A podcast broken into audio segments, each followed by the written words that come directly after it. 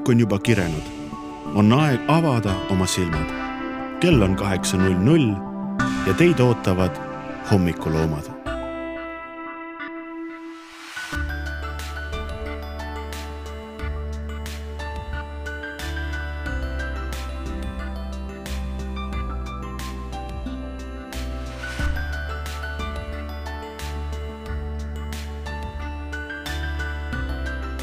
nii, nii, nii, nii, nii, soundcheck'i või? jah, tere hommikust, Põltsamaa.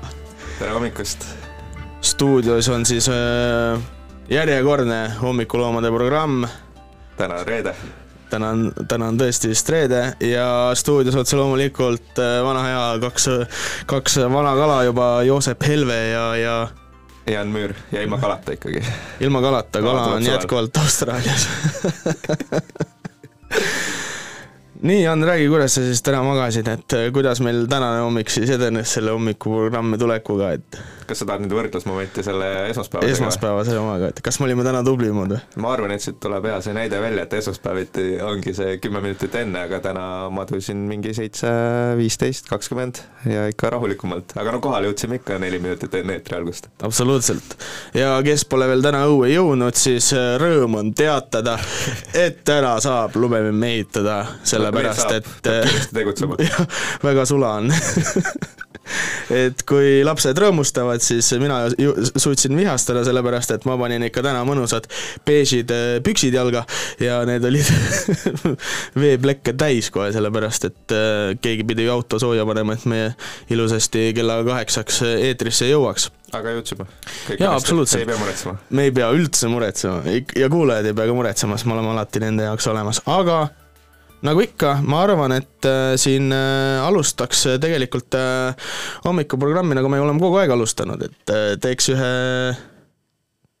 Kriigeri, kriig-, hommikujooksu. Ja ma mõtlesin, et teeks ühe Kriigeri tere hommikust, Eestimaa, eks ole, ja siis, siis laseks juba reipalt edasi, kuna on sulailm ka, siis me saame hästi palju mussi hästi lasta täna. just, et, et see kõik läheb, meil peaks hommikuprogrammis täna ka väga sujuvalt minema, et nii palju võt-, võime öelda, et ei pea kolm tundi ainult meie juttu kuulama, et me oleme ka siia inimesi täna kohale kutsunud, et kui nad ka kohale jõuavad, sest see on ka alati kahe no palvetame, et jõuavad, et, et me ju nii hoiatasime neid ette, et me nii väga neid täna siia stuudiosse ootame. tegelikult täna külalised on ju üle Eesti igalt poolt laiali tulemas, et absoluutselt.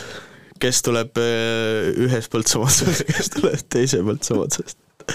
aga ma arvan, et äh, siinkohal äh, paneks äh, väikse lookese peale, sellepärast et kell on kaheksa läbi kolm minutit, kakskümmend sekundit, meil on siin stuudiosse tekkinud väga suur kell, mille järgi saab kella vaadata. see on tõenäoliselt pandud sellepärast, et inimestel meeldib saadetesse sisse sõita.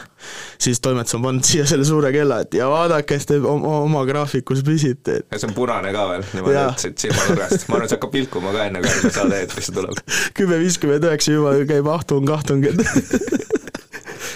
aga paneme esimese tänase lookese peale ja ja kuulame mõnusalt muusikat täna ja veedame mõnusalt aega ja siis niimoodi saamegi me selle hommikuprogrammi siin lõpuks ära, ära, ära peetud. tere hommikust! hommikud on meie, kohtumiseni!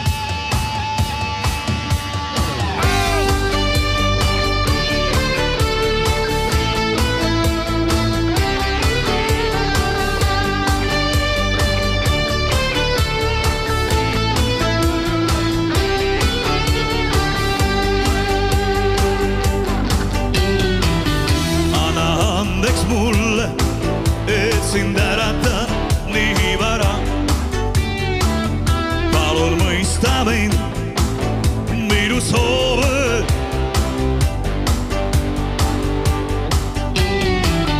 ma tahtsin vaid sulle öelda, kõik on ilus. mida mõtled sa, kas oled minuga?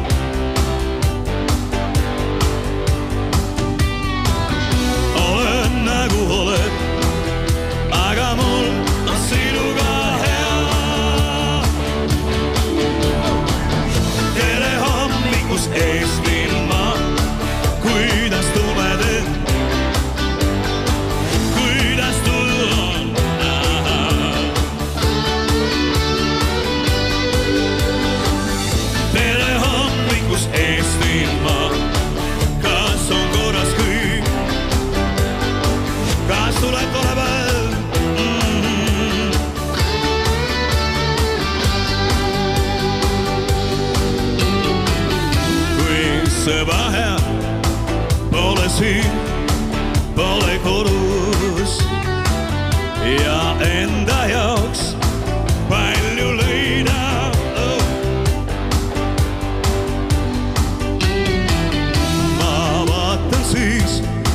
sinu silmi, sinu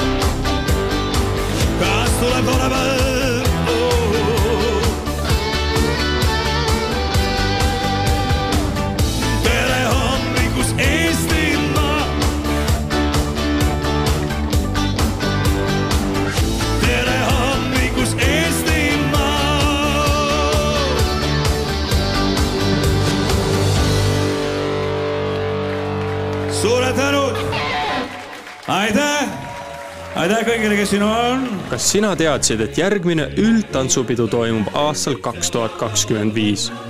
tahaksid ka peol tantsijana osaleda, siis tule rahvatantsutrenni. Põltsamaa kultuurikeskuse segarühm Tulihänd ootab sind. vaata lisa Facebooki lehelt Tulihänd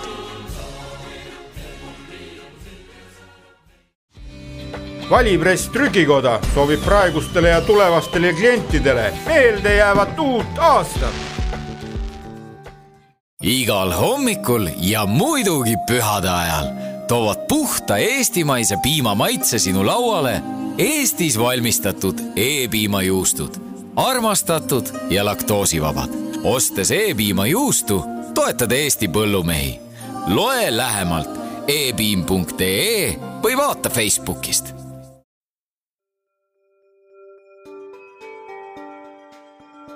hea Põltsamaa valla rahvas.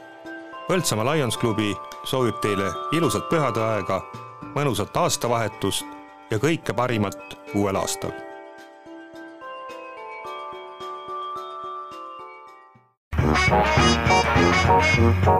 täna õhtul kell kuusteist kolmkümmend loosikasaade. et võita, jälgi Põltsamaa raadio sotsiaalmeediakanaleid nii Facebookis kui ka Instagramis. Kesk-Eesti võimsaim maamärk, uuendatud Põltsamaa lossikompleks ootab sind külla. tule uudiste ajalugu väravahoones, imetle kauneid vaateid lossitornis, naudi hõrgutavaid roogasid restoranis Oberbalen, külasta kunsti- ja käsitöökodasid ning kirikut. vaata lisa poltsamaloss.ee puitprofiil saadab oma kollektiivile ja teistele valla elanikele parimad pühadesoovid. Palju rõõmu südamesse, meeldejäävaid hetki lähedaste seltsis ja kordaminekuid uueks aastaks. tahad teada, mis Põltsamaa vallas toimub? telli Põltsamaa valla sõnumid ja oledki kursis. lisaks tellimusega toetad oma piirkonna ajalehe ilmumist. vaata lisa pvs.ee nii ja ongi ju reklaamid kuulatud, esimene ametlik lugu hommikuprogrammis kuulatud. kuule, mulle tundub, et see asi on päris palju edasi arenenud siin, et kui me alustasime siin ühe ja kahe reklaamiga, siis nüüd saab juba päris omajagu neid. absoluutselt. hooaja lõpetuseks saavad käima asjad. ma vaatan ka, et oleme nii palju, et tõenäoliselt kui homme tuleks hommikuprogrammi tegema, siis esimesed tund aega laseks reklaami, et tegelikult nii hull asi ei ole, aga aga sponsoreid peab ikka toetama. ei no mi-, mitte just sponsoreid, vaid üleüldse Põltsamaa ettevõtlust peab sponsoreerima, issand jumal, mul hakkab niisugune köha hoog tulema juba. aga sa köhi, ma räägin seni siis, et tegelikult kõik ettevõtted, kes on huvitatud ju reklaamist, siis äh, meil on olemas kesklinnas ka see suur ekraan, kuhu saab oma reklaami üles panna ja ja nüüd siis äh, sellest aasta lõpust on tegelikult ka üheksas Põltsamaa siis sellises enim käidavas kohas on niisugused väiksemad ekraanid, noh nagu meil siin seina peal nagu näiteks? Jah, ja siis sinna saab ka oma reklaami Neid kohti tead või? jaa, need on kõik koopikauplused, ehk siis Lustivere, Esku, Adavere ja Puurmani äh,, siis Põltsamaa Selverisse veel tuleb, see kinnitatakse alles ja siis äh, mis meil veel on, Felix L, Pisisaare, spordihall äh,, Turismi Infokeskus, Tervisekeskus ja vist enam-vähem saigi või? kus neid tellida saab siis? Reklaami või?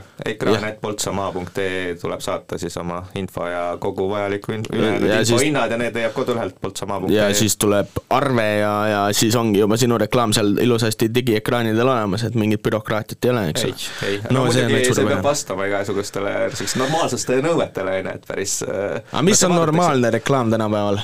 Oskad sa defineerida? no kuna mina neid ei hinda, siis aa, sa ei oska? jah, siis ma ei oska. et mis et on normaalne? ikkagi pädev komisjon kokku pandud, kes istub maha, vaatab üle kõik need vaata kui tore! skaalal ja siis mis ülevalpool on, need lähevad eetrisse. vaata kui tore tegelikult, sellepärast et äh, Põltsamaa vallal on iga asja kohta komisjon, on ju.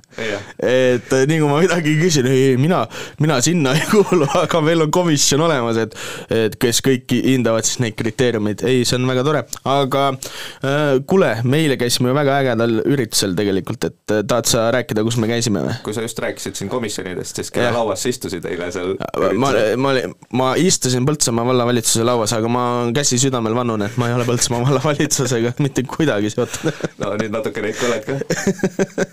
Ei ole. et sa annad sõrme, siis võetakse käsi, et sa teaks. jah, ei ma hetkel ei ole veel, ma, mul on Tallinnasse sissekirjutus no vot, enne kolmekümne esimest paluks siis ümber teha selle asja ma olin spioon Põltsamaa vallavalitsuse laual. aga tegelikult, kus me käisime siis, me käisime Kultuurikeskuse aastalõpupeol või? ta ei ole, ta jah, ta oli hüvasti kaks tuhat kakskümmend kolm mingi sari. kohvik, retro retrokohvik või mingi. retrokohvik võime üle vaadata. vaata üle igaks juhuks fakti vead, aga meie käisime ühesõnaga kuulamas äh, Inga ja Toomas Lunget oli Inga, on ju? ma eile päev, eile õhtu otsa oli probleeme, kas Inge Lunge või Inga Lunge, aga ma sain selgeks, Inga Lunget ja Toomas Lunget.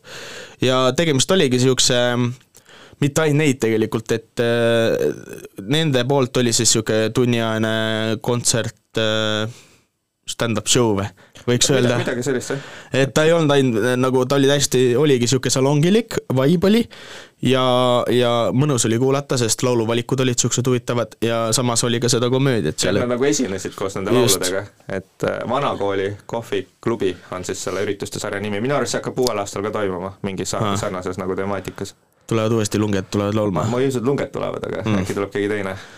no selge, igastahes äh, väga meeldis see esimene pool, teisel poolel töö kutsus õhtu teist poolt väga nautida ei saanud, et et muidugi seal oli ka väga särtsakas bänd Sirli, jah, kaks lugu võttis, võttis, et kaks lugu kuulasime ära, väga head lood, esimene lugu oli no teine lugu oli, et rendime saarele sauna, eks ole. esimene oli see Anne Veski atmosfäär. just, et kui juba niisuguste bängeritega tullakse nagu kohe lavale, siis ma kujutan ette, et see õhtu oli täis tantsu ja möllu, et jaa, kusjuures mis esimene asi, mis silma jäi, oli see, et neid oli nii palju, et seal oli ju kaks solisti, on ju, siis oli äh, klaverit mängis keegi ja mitte klaverit, kuidas see kutsutakse süntekas, süntekas.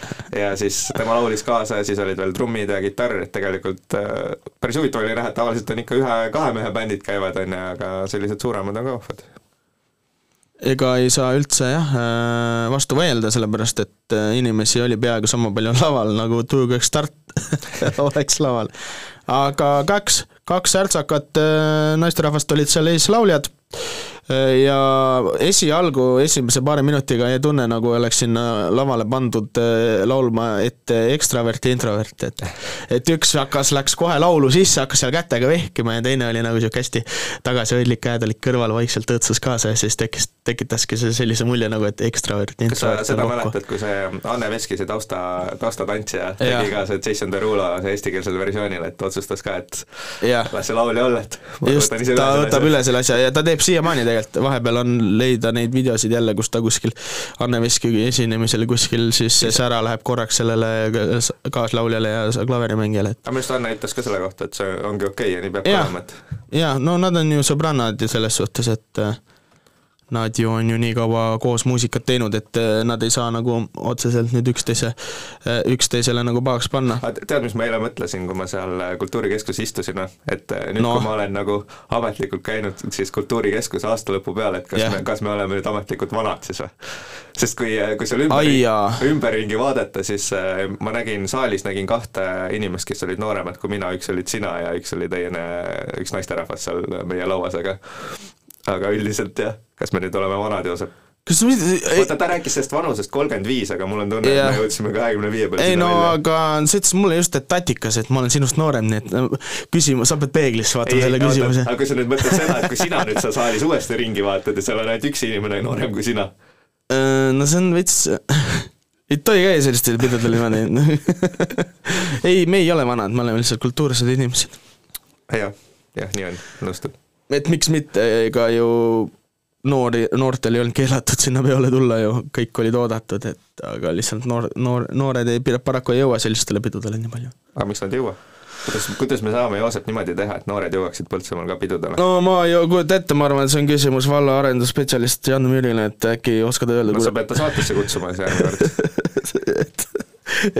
teeme mingi nagu tunniajase pausi ja siis kehastud ümber, vaata, ma kutsun su saatesse ja siis hakkame arutlema sellel, sellel teemal. ei, ma ei oska isegi öelda, tõenäoliselt ega noored pole kunagi päris noh, no siiamaani tänapäeval pole kunagi käinud sellistel kui sa üritustel. mõtled, kui sa mõtled nüüd seda, et me üks aasta, minu arust me raadios rääkisime ka suht pikalt sellest kaks aastat tagasi, tegime Nii. ise ka ühe aastavahetuse pea seal Kultuurikeskuses, et tegelikult see formaat nagu toimis, et meil olid ka lauad pandud enam-vähem sarnaselt, on ju, sinna tahapoole mingisugune noh, saal Jah. oli pool nagu kaetud, ees oli kõvasti ruumi, just seal esineti ja nii edasi, et tegelikult nagu kultuurikeskus kui kultuurikeskusena ei ole see, mis nagu ei tõmba neid noori, vaid võib-olla kuidagi välja mõtlema, et nagu mis see Üritused. sisu jah, täpselt on, ürituste sisu. jah, sest et sinna nad tulid ju, meil oli mingi viiskümmend inimest jah. kohal ja kõik olid väga rahul. seda kindlasti ei saagi väita, et nüüd kultuurikeskus ei tõmba noori ligi, absoluutselt vale väide ju. aga ma ei olegi väitnud seda. ei, ei ma, ei ma lihtsalt ütlen, kui keegi hakkab nagu tulevikus väitma, vaata, et kultuurikeskus ma vist kõrvaga kuulsin natukene ühe nurga tagant. pärast peame muusika peale panema, siis lähme räägime. Ei, aga see on tegelikult vale väide jah, kui keegi peaks kunagi väitma, et kultuurikeskus ei tõmba, pigem ei ole see, see sisu ei tõmba. sest ke-, ühelgi noorel pole selle vastu, mis asja kultuurikeskus peale, ei jumala eest mitte, ei ole seda muret. pigem on nagu see, et neil, neid ei huvita see, mis neil on. me, me käisime eile kuulamas Inga, Inga Lunget ja Toomas Lunget, eks ole. võis olla küll nii, jah? oli, on ju. noor ei pruugi teada, kes need ongi, noh okei okay,, noored plikatiirtsud teavad, et pilved all on ju, näitle-, ma just tahtsin näitleja, öelda seda, et pilved all ja rohkem pole vajagi. aga nagu noh, kakskümmend viis eurot oli pilet koha peal, jah, jah. noh, täpselt samamoodi, no no ega nad ei tule. küsimus nüüd jällegist, vaata eile tuli seal kultuurikeskuse ees tuli arutlusele ka kino, on ju. Mhm. et kino pole olnud enam, aga kas see kino tõmbaks või ei tõmbaks, täpselt samamoodi jälle küsimus, oleneb, mis seal näidatakse. võib-olla isegi ma arvan, et nagu kui see kino oli, noh, seal käis inimesi, aga ei saa öelda, et see on nagu over, overnight success oli vaata. et äh, võib-olla on seesama, et nagu inimesed, kui nad kinno tulevad, nad ei oota ainult seda, et ma saan filmi vaadata, et äh, Tahad süüa ka või? külla, on ju, siis ma noh, sa, sa ei tule lihtsalt, et vaataks mingi filmi, on ju. et pigem on, pigem on teema selles, et kuidas nagu seda midagi veel juurde tuua sinna, mis nagu inimesi sinna kinno toob mm, Mhm. -hmm. võib-olla ongi, ma ei tea, mingi popkornimasin või, või noh, mingid siuksed väiksed asjad, on ju, mida inimene ootab siis film ka kindlasti. noh, seda võib ka vaadata, see sest meie oleme vanad, meie võime multasid vaadata küll, et äh, kui siin jõuluaeg meenub, siis kõik jääaja osad said ära vaadatud, et ei olnud mitte mingisugust probleemi. soovitan ka kõigile teistele, vaadake, kellel on järelvaatamise võimalus. erinevas järjestuses, et alustage näiteks kolmandast, siis vaadake esimest, siis neljandat, teist, et siis see teeb nagu põnevamaks. et äh, ju jõulude aeg oli see multikate pealetung oli nii suur, et äh, ei jõudnudki vahest sammu pidada, et kindlasti noh, kõige lihtsam sihuke, kõige lihtsam selline perega aega veetmise viis ongi mingi ühine filmiõhtu, mis ei nõua nagu eriti palju mugavustsoonist väljaastumist ja, ja no mõne jaoks äkki nõuab. No tegelikult ei nõua, sa ütled, et, sa ütled, et nagu- lapsed, lapsed, tulge sa diivanile ja otsustad nagu kõikide eest, aga sa ei saa otsustada enamuse eest. mul pole perekonda ka veel veel. järelikult ma ei ole veel vana. Et no ei, ei ma ei otsusta kõikide eest, aga tõenäoliselt on lihtsam äh, kodus, kodus sees mingeid asju koos teha, kui välja minnes, väljaminek ju nõuab äh, rohkem planeerimist asju. perega minema ju. ei no pead ju kuidas sa kvaliteetaega perega veedad, kui sa pere koju jätad? kui No- me räägime perega kvaliteetaja veetmisest, siis, siis sa pead ju kaasa võtma, muidu on see, et ma käisin perega eile kinos kvaliteetaega veetmas, mis, mis vaatasite? ei no ma käisin Terminaatori ühte vaatamas kus pere oli kodus, oli samal ajal, siis ta ei ole perega aja veetmine. no aga kui palju sa lõpuks perega aega pead veetma? see no- ongi erinev ju. No see oleneb inimesest endast No kui palju ta tahab veeta. mõni on nagu Ant-, Ant Nurhan ütles, et eestlane on nii kalli nunnu pall, on ju. et mõni tahabki just seda distantsi käibki üksi kuskil sõpradega tiksumas, et aga mis, mis sulle veel eile, eilsest nagu meelde jäi? mis äh, minu jaoks oli veel teisiti, et kuna me oleme seal käinud äh, kohvikut tegemas seal äh, Kultuurikeskuses siis nii-öelda kontsertide ja teatrite aeg, siis seekord oli esimest korda, kui sai nagu minna saali, et see oli natuke teine, aga, aga mis mulle silma jäi, oli see, et äh, kui muidu mõtled küll, et tead Põltsamaa inimesi jube palju ja, ja igal pool ikka näinud, siis eile oli küll niisugune tunne, et oi, et meil on siin ikka päris palju inimesi, keda pole kunagi näinud või keda pole nagu tähele pannud ja ma, ma arvan, et ma ei olnud ainuke, kes nii vaatas, et äh, Ei, väga, seda- väga tore seda- oli näha, et äh, kui need inimesed tulid kas mujalt või siis Põltsamaalt, et väga vahva oli näha, et nad tulid nagu kodust välja ja, ja olidki seal üritusel. aga hetkel ongi siis küsimus, et kust te tulite see jääb võib-olla õhku, jah. et äkki peaks hakkama kultuuriõhtutel panema mingi piirkonniti neid silte ja, jagama nagu või? lauad niimoodi, et siin on äh, Piirkonda nimi. Viljandi Paide aga me olemegi ju suur vald, et Helsingi. äkki, no ma ise mõtlen, et see Lu- ja Toomas võisid meelitada inimesi ka teiste, teistest kantidest kohale või Sirli näiteks. mina kuulsin näiteks esimest korda, et niisugune bänd on, et aga aga ma hakkas meeldima ja ei no jah, nii Ja palju, kui kaks laulu kuulata sai, on ju. seda nüüd küll.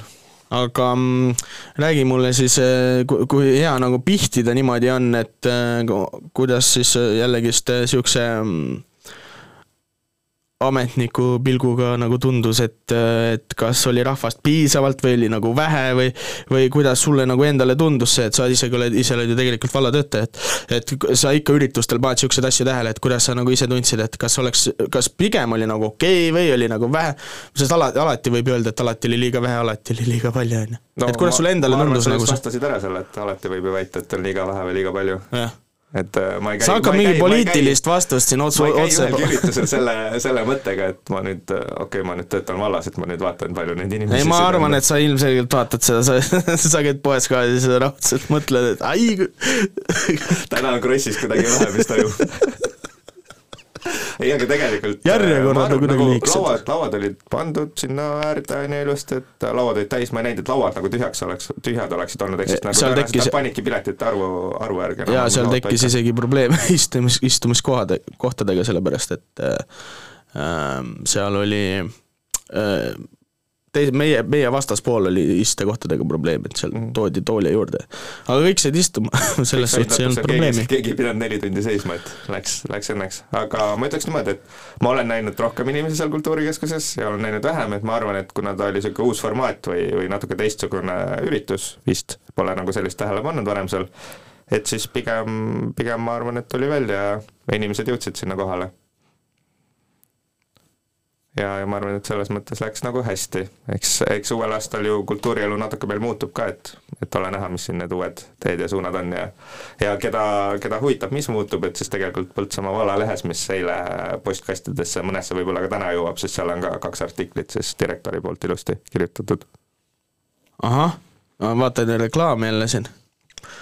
no vallalehte peab ikka lugema. Ja ma ise ka hommikul va- tegelikult äh, vaikselt äh, lugesingi, nii kaua kui ma ootasin, kuni see valmis saada omadega. nii, ja mis sa said siis loetud ka või, või oli keeruline lugeda hommikul?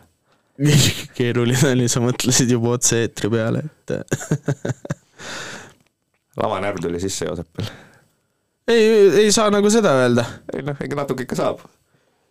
Aga ma arvan, et tegelikult peaks mingid laulud siia vahepeale panema, aga sa pead aitama mind, ma tahaks panna Lenna ja Artjomi lugu, mis sa mulle eile, eile nä- näitasid, et seda võiks täna panna.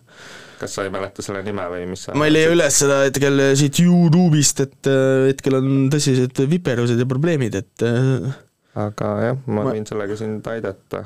Kõnnime seda teed on selle laulu nimi. ja, ja ei no ma lihtsalt nägin siin, oli valin ise oma tee, on ju, aga see ei, seekord kõnnime. see, see seekord kõnnime, mitte ei lenda. teeme siia mõne ilusa palakese vahepeale, siis me saame ise ka hinge tõmmata. nii kaua, Jan, sa võid midagi rääkida, kui ma siin valmis äh, panen, et ja, ja see tegelikult on hästi keeruline, see süsteem siin, et näha on, et Joosep juba vaikselt higistab. on küll jaa, otsaasi on lambist täiesti niiskenud. et, et lambist muidugi seda niiskust ei tulnud hetkel. tuli küll, vaata, siin on ainult üks pirn põleb, et aga, aga, aga jah, et see, kuidas see süsteem siin toimib, on tegelikult meil hästi lihtne ju. Et Joosep istub meil siin puldi taga, tal on ek- ekraan, kus ta siis äh, saab tõsta neid asju siin ilusti ringi ja sättida paika, aga selleks, et laule lasta, siis ta peab otsima selle kas Spotify'st või Youtube'ist välja. Just. ja ta ei saa seda nagu ette kuulata, kuna tal ühed klapid on peas, siis ta nagu DJ ei saa olla, et ta sama aeg on otse-eetris, et ta paneks siis äh, teised klapid pähe ja kuulaks. ja siis ta peab otsima selle õige koha üles, sest et vahepeal need laulud on ka natukene seal alguses midagi nihkes ja mingi Jaa. reklaam ja mingid muud asjad. ma loodan, et äh, hetkel ei ole, et hetkel on kõik korras, sellepärast et äh, ma leidsin Liisi, Liis ja Artjom esituses Kõnnime seda teed äh, üles. ja, ja aga ma loodan, et see on ka äh, õige, õige, õige versioon, et aga ega midagi, paneme siit muusikapaladega teele ja siis saame juba edasi juttu rääkida. Ja kell on meil ju hetkel kaheksa läbi kakskümmend seitse minutit, tere hommikust, Põltsamaa inimesed, stuudios on Joosep Pelve, Jan Müür. Ja õues on sula. ja õues on sula, nii et täna saate lastega lumememme minna ehitama, aga miks mitte ka ise omapäi. ma olen sada protsenti kindel, et Jan täna ehitab ühe lumememme see saab perekondlik üritus olla, nagu Joosep siin rääkis. Kuna tahaks- meil kinno, kinno täna Põltsamaal minna ei saa, et siis äh, perekondlik lumememme võtke, võtke inimesed eesmärgiks, et ehitage vähemalt üks lumememm sellest lumest, mis äh, hetkel maas on. just, aga jällegist äh, natuke hiljem võib-olla räägime, aastavahetusel ju pidi vähe külmemaks minema jällegist, et sünoptik hoiatab. aga selge, paneme siis need viisijupid siin vaikselt kõlama ja, ja kuulame muusikat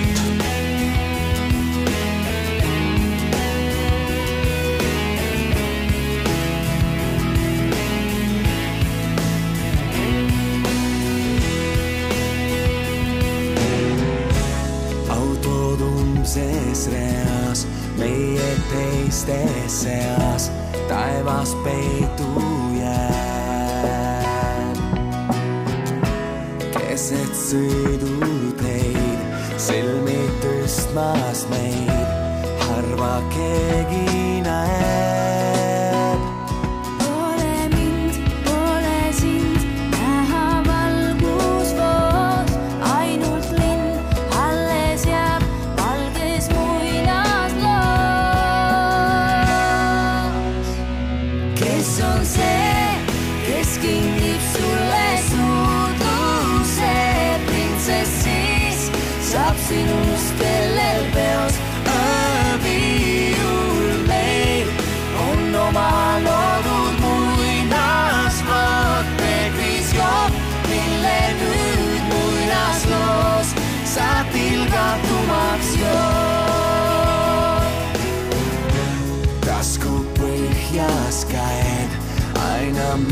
Münte loed, kes neid muudkui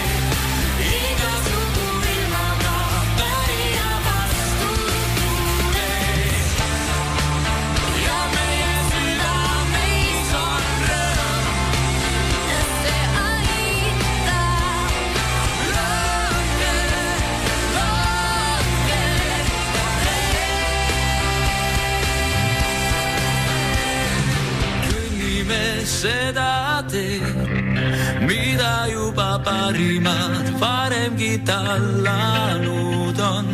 kaua ja kaua.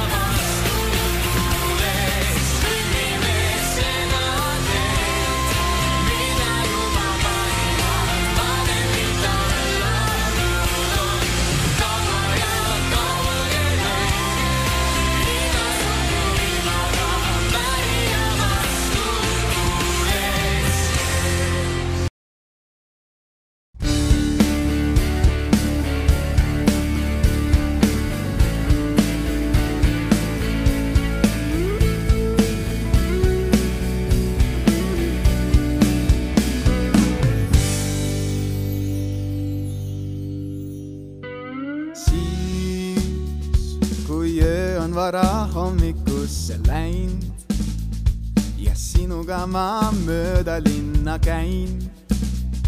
kas taaskord olen langenud ma sinu pilguga, pean nüüd võitlema. siis, kui aru saan, et võimatu on see, kuid kahtlen, kas ma olen õigel teel.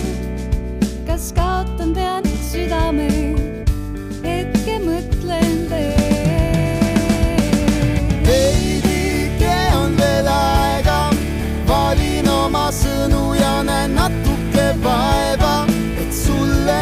saaks kõik, mis on mu südamel.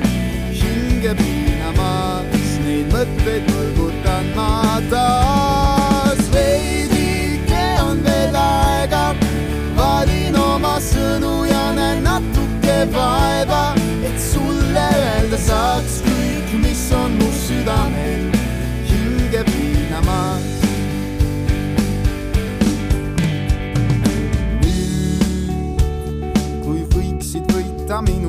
Minu südame,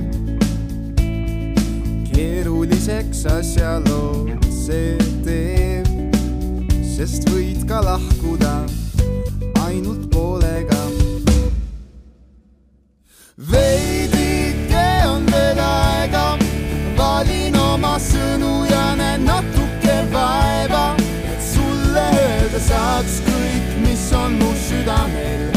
Hinge piinamas, neid mõtteid taas. veidike on veel aega, valin oma sõnu ja näen natuke vaeva, et sulle öelda saaks kõik, mis on mu südamel.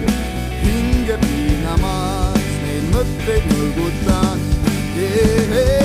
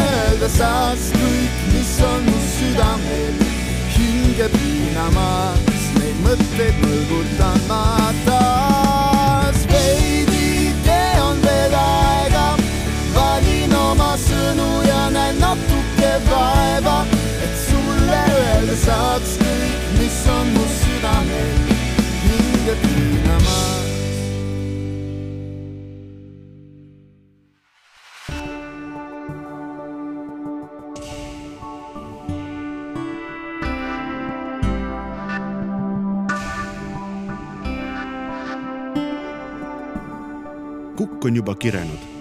on aeg avada oma silmad. kell on kaheksa null null ja teid ootavad hommikuloomad. Kas, kas see oligi mõeldud praegu seesama kaheksa null jah, me tahtsime inimesi ilmselgelt eksitada, tegelikult kell on äh, kaheksa kolmkümmend üheksa ja tere tulemast kuulama Põltsamaa raadio hommikuprogrammi, täna on meil ju kahekümne üheksas detsember kaks tuhat kakskümmend kolm.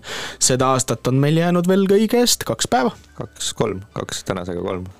jah, noh. jah, jah, ei ikka no faktiga ja, täna on hommik veel siis no, jah, päev on ees. just, aga tõepoolest äh, räägi, mis, mis sinu aastavahetuse plaanid on siis, mis, mis sa tegema hakkad meil siin aastavahetusel? tead, ma isegi ei tea veel. kas sa teed tööd või? tööd ma loodetavasti ei tee. Loodetavasti. ma pean, ma pean täna veel natuke tööd tegema, aga mm. -hmm. siis homme on juba laupäev ja siis enam tööd tegema vast ei pea. loodetavasti. aga uuel aastal ikka peab. no uuel aastal uue hooga, on sul mingid soovid ka juba, lubadused paika pandud? Nagu uueks aastaks Jah. vot see, vot tead, tegelikult on niimoodi, et äh, mul on mingisugune nimekiri kuskil asju, mis on, mul on mingi sada asja kirja pandud, mis ma elu jooksul ära tahaksin teha, siis ma iga aasta nagu aasta alguses vaatan need üle, et äkki saab midagi maha tõmmata, et nii, et äh, no eelmine aasta ma käisin Tais, et selle saab maha tõmmata näiteks. Ma arvan, seal on midagi veel, aga see on niisugune hea dokument, mis on kuskil Inglise keeles on selle nimi vist bucket list või? jaa, põhimõtteliselt jah, aga tead, mis sellega on huvitav? Et äh, soovitan kõigil teha seda ja soovitangi teha näiteks sada seda. Ja kui te hakkate neid järjest kirjutama, et noh, siis võib-olla nagu esimesed, ma ei tea, kümme, kakskümmend, kolmkümmend, nelikümmend on päris lihtsad, on ju, siis viiskümmend, kuuskümmend juba hakkad mõtlema ja siis hakkadki mõtlema, et no ma ei teagi, oota, mis veel, on ju et, et sada asja, proovige sada asja kokku saada, mis nagu mis nagu ära tahate teha või kus käia või, või mida omada, et siis äh, see on ise omamoodi juba challenge neid kokku saada. no sada juba tegelikult on. palju linnasid Eestis on? Eestis on, oi jumal, ma nüüd ei taha fakti vastu eksida, Aga puusalt viisteist kuskil, võib-olla see oli maakonnas. viisteist, viisteist on liiga vähe ju. linn, alevik noh. no Alevik on teine teema kui linn ju. Ma arvan, no niikaua kui sa otsid, siis ma lihtsalt tegelikult jah, ei, meil läks siin väga, ärme kustutame ära selle. Markus, kas sa oled homme pärast välja sellest salvestusest? igatahes Eestis on äh, nelikümmend seitse linna. viisteist. ei, aga, Aga- aga aga miks ma sellest- nagu seda küsisin, oli sellepärast, et aga näed, nelikümmend seitse. linnade, omavalitsuslike linnade list on viisteist, vot, ma Aa. mõtlesin kuskilt, ma olen midagi nagu silma jäänud. Sa päästsid ära enda selle nii-öelda ahtri. et läks õnneks. ja miks, miks ma hakkasin küsima, et sa paned kõik need linnad paned omale sinna bucket list'i, siis on juba pool tehtud, et nojah, kui sa paned nagu Saad- need linnad nelikümmend seitse, noh, selles mõttes, et nad on nagu kutsutakse linnadeks, aga tegelikult nad ju päriselt äh, kõik ei ole, elanike no. arvu poolest linnad ei ole, et ma ei tea, Kallaste ei ole väga linn ja ma ei tea no miks ta siis ei ole? oi kui Kallaste rahvas seda praegu kuuleks, noh võtaks hangud ja tuleks tagajalgadele praegult siit. Lossio kaitseb meid. lõpeta meil on ära üks, kindlus siin ümberringi. solvama inimesi, et Kallaste ei ole linn. mine küsi Kallaste rahva käest, vaata, mis nad arvavad. ütlevad sulle peab. ära käima, jah. et ei, aga see jutu, miks see jutu teema niimoodi alguse sai, oligi see, et et sa ei pea minema Taisse, kui sul seda võimalust ei ole, reisi mööda Eesti, reisi nagu mööda Eestimaad. ei ma noh, jah. Eestimaa on ilus maa. alusta sellest, et pane kirja omale seda kõike kõigepealt. äkki mul paberit ja pliiatsit ka, siis jäta meelde lihtsalt sada asja, mis sa ära pead tegema., järgmises siis lauluaeg sul on eesmärk sada tükki kirja panna. minul? ei, ma ei hakkama. minul on hetkel kõik olemas, mis ma tahan viis tükki on kirjas, et viis tükki on kirjas või? ei no pane siis viis tükki kirja vähemalt. Ei panegi nagu mingi võtan kaalust alla mingid legendaarsed, teen rohkem trenni, ei, söön aga see vähem. ei ole üldse nagu hea, Tegelikult- kui sa eesmärgina tahad panna, siis pane, et sa, ma ei tea, esimeseks aprilliks äh, kaalud nii palju või võtad Ah, alla nii ei. palju või midagi sellist, et pane see eesmärk siis minul on nagu, mis ta minul on see aasta on ainult üks, üks, üks eesmärk nüüd alates uuest aastast, selle me panime nii-öelda oma kaaslasega koos panime paika, et me oleme nikotiinivabad alates uuest aastast. Et ei tarbi nikotiini. nagu seda päevapealt teha või jaa, päev, ei no päevapealt, tegelikult ma juba vaikselt valmistun selleks ja sellepärast ma tõenäoliselt ka täna raadios higistan, et et pole jah, tarbinud hetkel nikotiinitooteid viimased äh, Seitse tundi. ei, mitte seda, isegi nõks rohkem vist. eile, kui me kultuur, kultuurimajast ära tulime, siis rohkem pole tarbinud mitte midagi, et mulle tundub, et sa oled õigel teel. jaa, et juba vaikselt otsassin on nigine, jube raske on, aga ei, me saame hakkama. et alates esimesest tegelikult oli see punkt meil äh, paigas, et alates esimesest me siis ei tarbi. aga võtsite siis kuu ka sinna juurde või nagu lihtsalt Mis kuu? et noh, Ah, kuu aega ei tarbi ja siis Ei, võib uuesti- nagu ei, et sa paned nagu esimesest, aga noh, selles mõttes, et äh, kas see on esimene jaanuar, veebruar, märts, aprill või ei, esimene jaanuar ikka. ja aasta pani ikka juurde või? See oli nagu nii-öelda kas-, ingliskeelne väljend common sense. et äh, me saime mõlemad aru, et alates sellest, sellest aastast, uuest aastast, et ku, kuidas muidu, ma mäletan, kusjuures äh, kui ma veel isegi nõks äh, noorem olin, ma olen hetkel ka noor, aga nõks noorem, siis oli uusaastale jätsin lubaduse, et nüüd Paul suitsetamine maha onju. jätsin suitsetamise maha, aasta aega suitsu ei teinud. Järgmisel uuel aastal hakkasin uuesti suitsetama. panid uue lubaduse lihtsalt. et äh, aga sellepärast peabki olema vaata eesmärgil nagu väike lisasamm juures, et muidu on see, et sa teed ära, sul on see Et rohkem ei tohi või?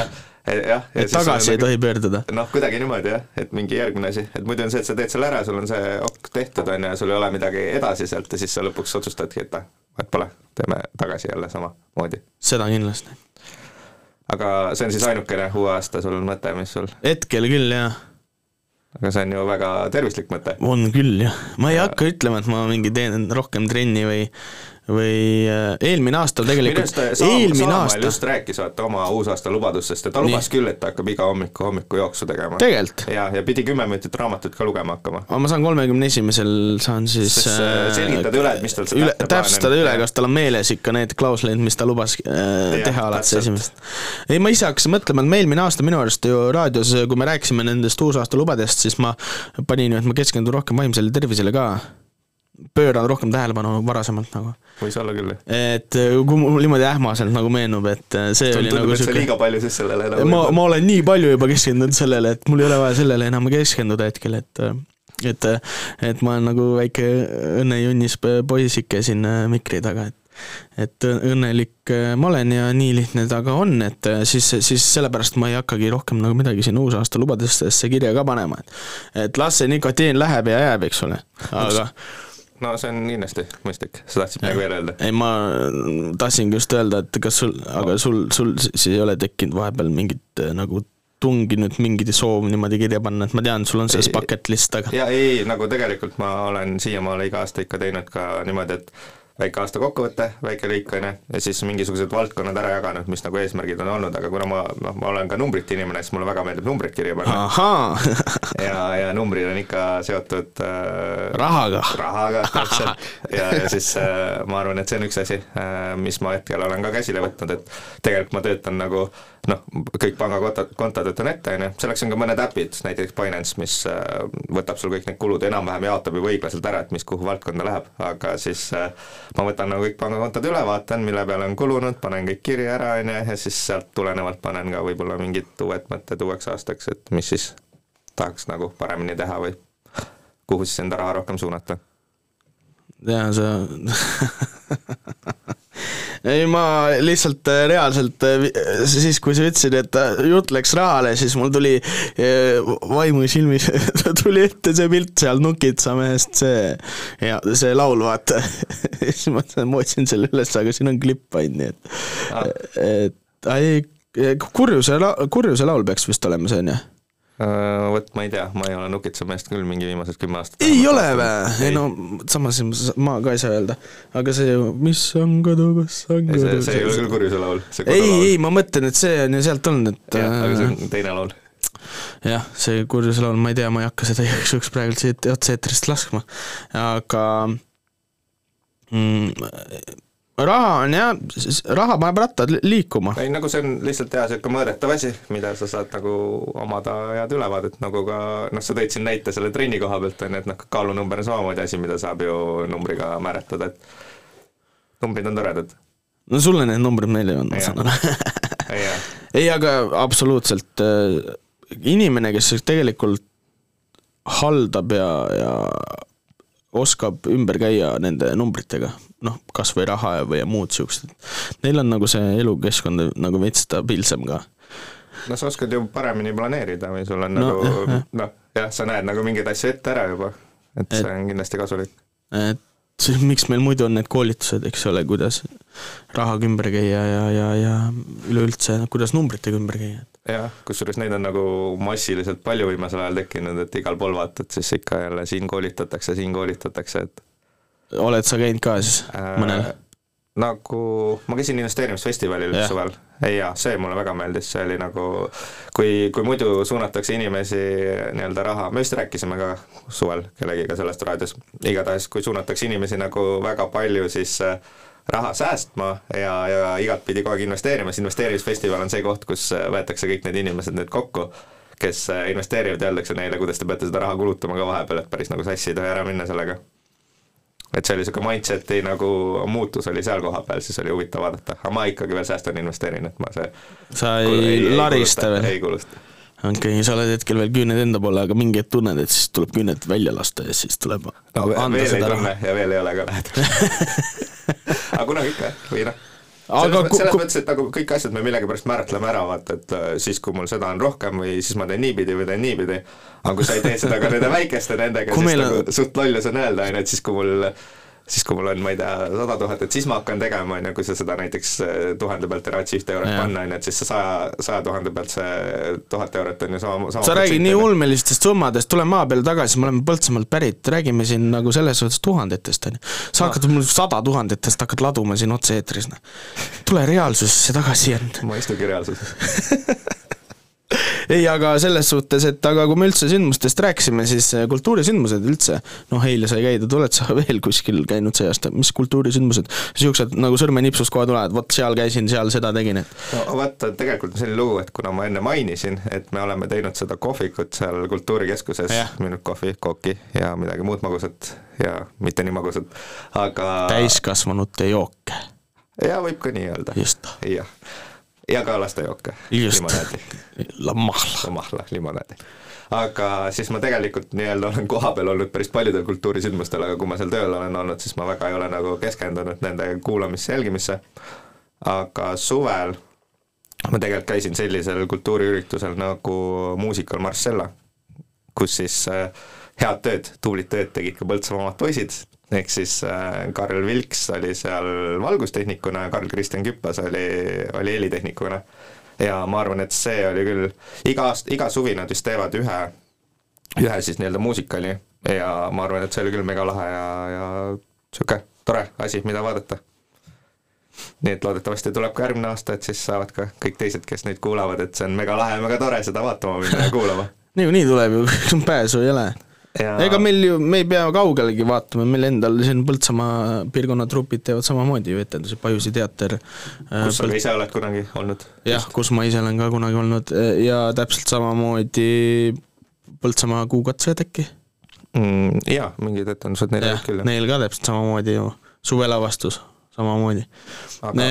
et äh, ei pea kaugele minema, et kultuuri saada, et saada kultuuri nautida nagu, et õnneks on meil ikkagi kultuuriga siin vallas nagu päris hästi. jaa, aga, ma ütleks just, et minge vaadake Eesti peal ringi ka, et käige mujal ka, et kui me peame Joosepiga vahepeal vahetama, et nagu ma olen see, et oh, davai, tulge Põltsamaale, tehke seda, on ju, siis ma arvan, et kultuur on küll selline asi, mida võiks nagu üle Eesti minna avastada, vaadata, sest tegelikult on see, et ükskõik kuhu sa lähed, seal ikkagi mingi side on jällegi, ma ei tea, Põltsamaaga olemas või vaatad jälle, Karl Vilks istub seal puldi taga, et et tegelikult need inimesed on siin laiali ümber Eesti.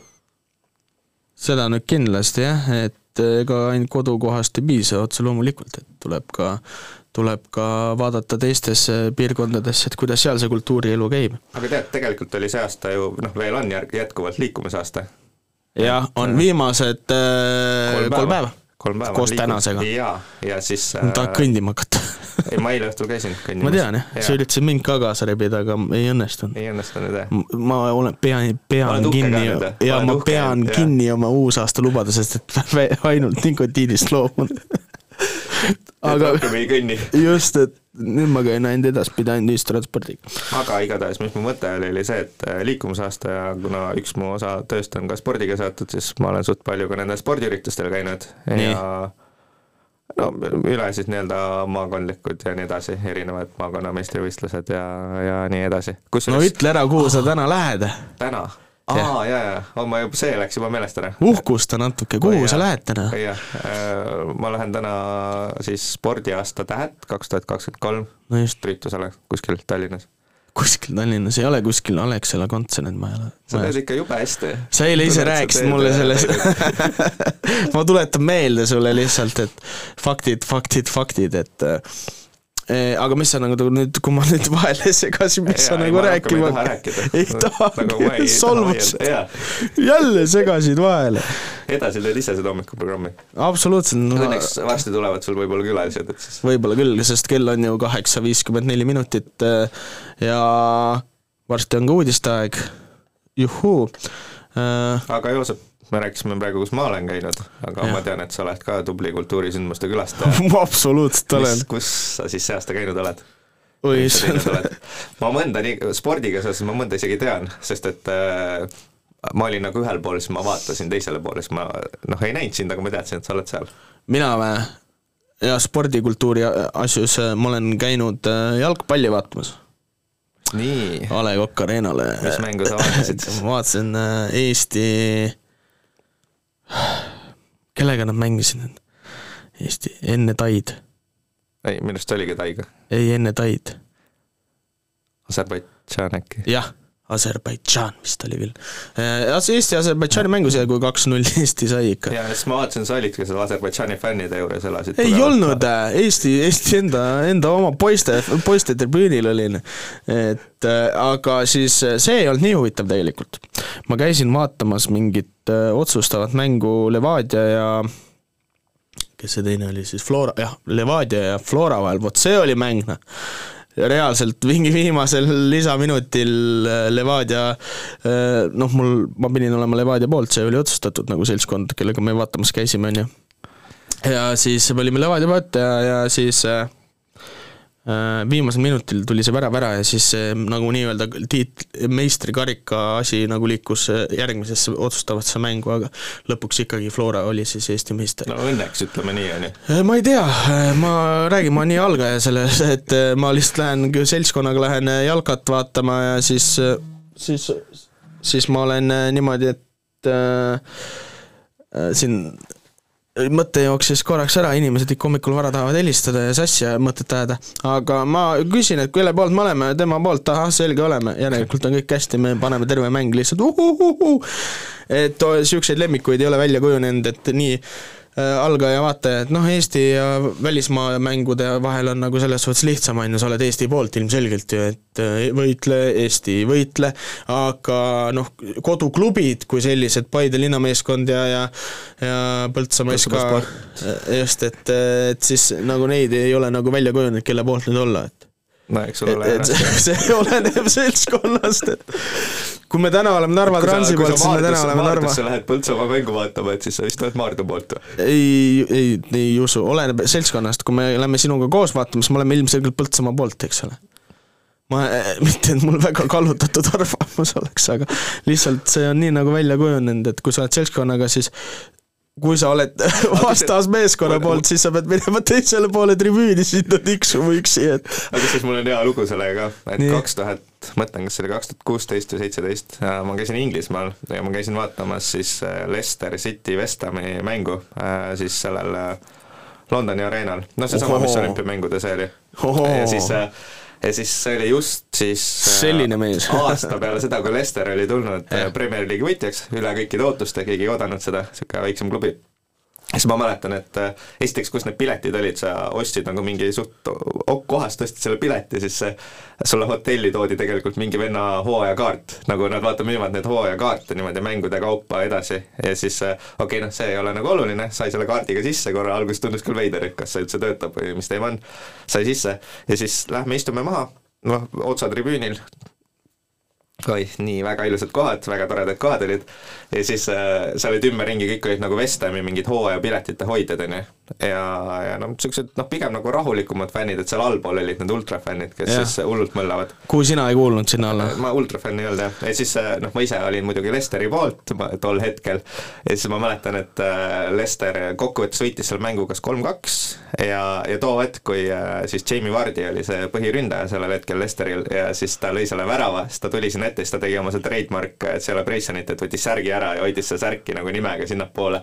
ja siis noh, nagu ikka värav tuleb, on ju, hakkad mingi plaksutama, on ju, ja siis vaatad korra ümberringi ja siis nagu hästi vaikselt lähevad käed põlvede peale tagasi ja siis istud seal edasi, et niisugust vilekoori või sellist ei ole ma küll kunagi varem kuskil no, nagu seal... selle keskel olnud, et see oli ikka päris jõhker, siis oli küll see, et oi, vabandust. välismaal on ju selles suhtes on üleüldse see jalgpallikultuur on vähe võimsam, et kui me Eesti A Le Coq Arenat vaatame, siis seal ka ei ole ju kogu aeg täis maja, eks ole.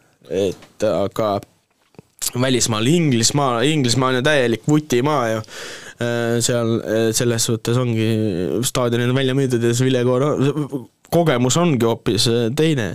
aga mina mäletan küll, et kui see Levadia värav tuli, siis ma olin küll seal nagu näpud püsti, lõugasid täies karist, juhhei, ja siis kogu me seltskond oli niimoodi ja siis vahepeal tundus, et see üks vennike, kes meiega koos oli, et ta minu najal püsis ka, et muidu ta oleks otse, otse alla pannud kuskilt, sellepärast et ta oli ka nii ekstaasis, et keegi ei ootanud nagu seda väravat.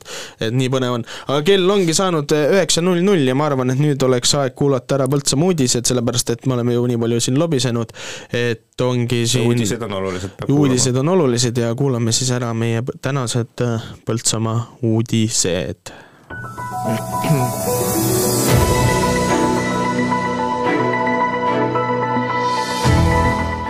tere, käes on reede, kahekümne üheksas detsember ja te kuulate Põltsamaa raadio uudiseid.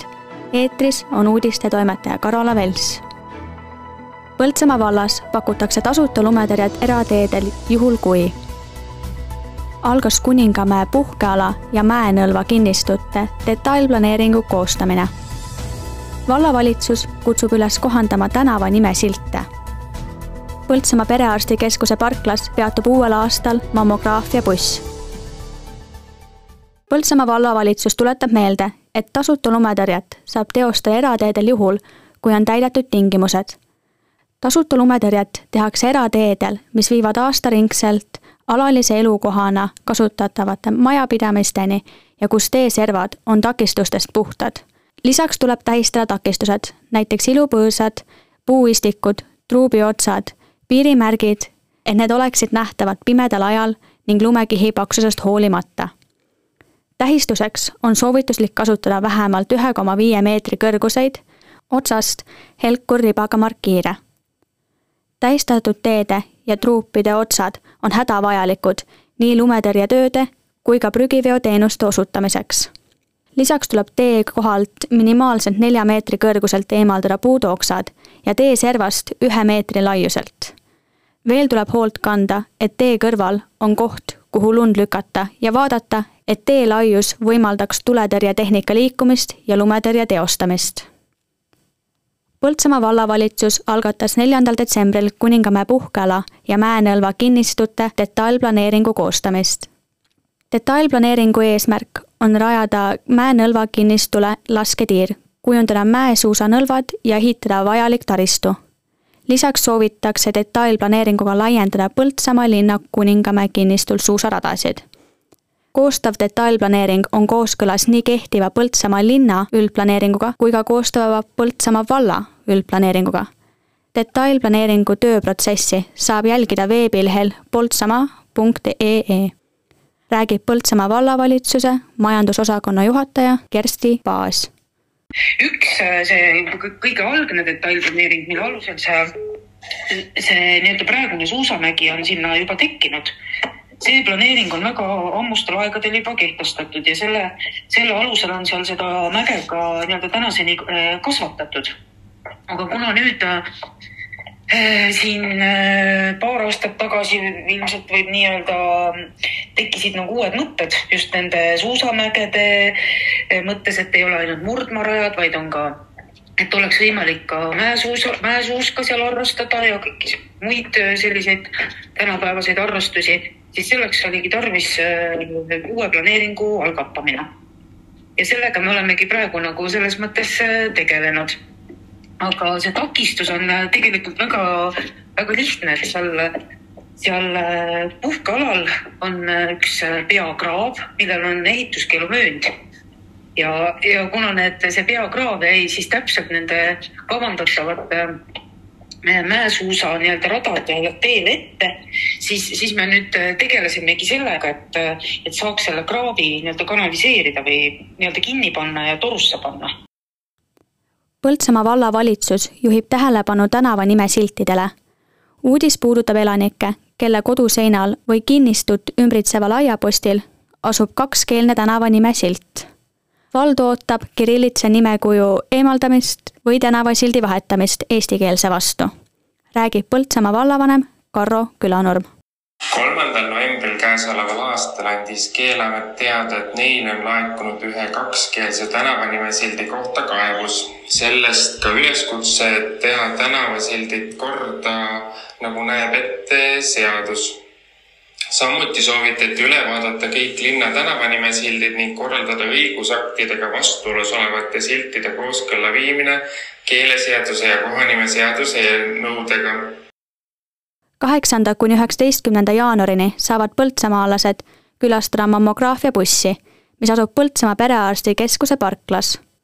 kahe tuhande kahekümne neljanda aasta rinnavähi uuringugruppi kuuluvad naised sünniaastatega tuhat üheksasada viiskümmend, tuhat üheksasada viiskümmend neli, tuhat üheksasada viiskümmend kuus, tuhat üheksasada viiskümmend kaheksa, tuhat üheksasada kuuskümmend, tuhat üheksasada kuuskümmend kaks, tuhat üheksasada kuuskümmend neli, tuhat üheksasada kuuskümmend kuus tuhat üheksasada kuuskümmend kaheksa, tuhat üheksasada seitsekümmend, tuhat üheksasada seitsekümmend kaks ja tuhat üheksasada seitsekümmend neli. sihtgruppi kuuluvad naised saavad saatekirja alusel sõeluuringu läbida tasuta. Rohkem infot mammograafia busside ajakava ja registreerimise kohta on leitav Tervisekassa kodulehelt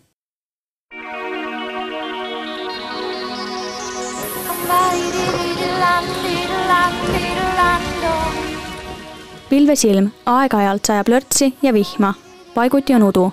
puhub lõunakaare tuul kaks kuni kaheksa, puhanguti kuni üksteist, Lääne-Eesti saartel ja rannikul lõuna- ja edelatuul viis kuni kaksteist, hommikupoolikul puhanguti kuni seitseteist meetrit sekundis.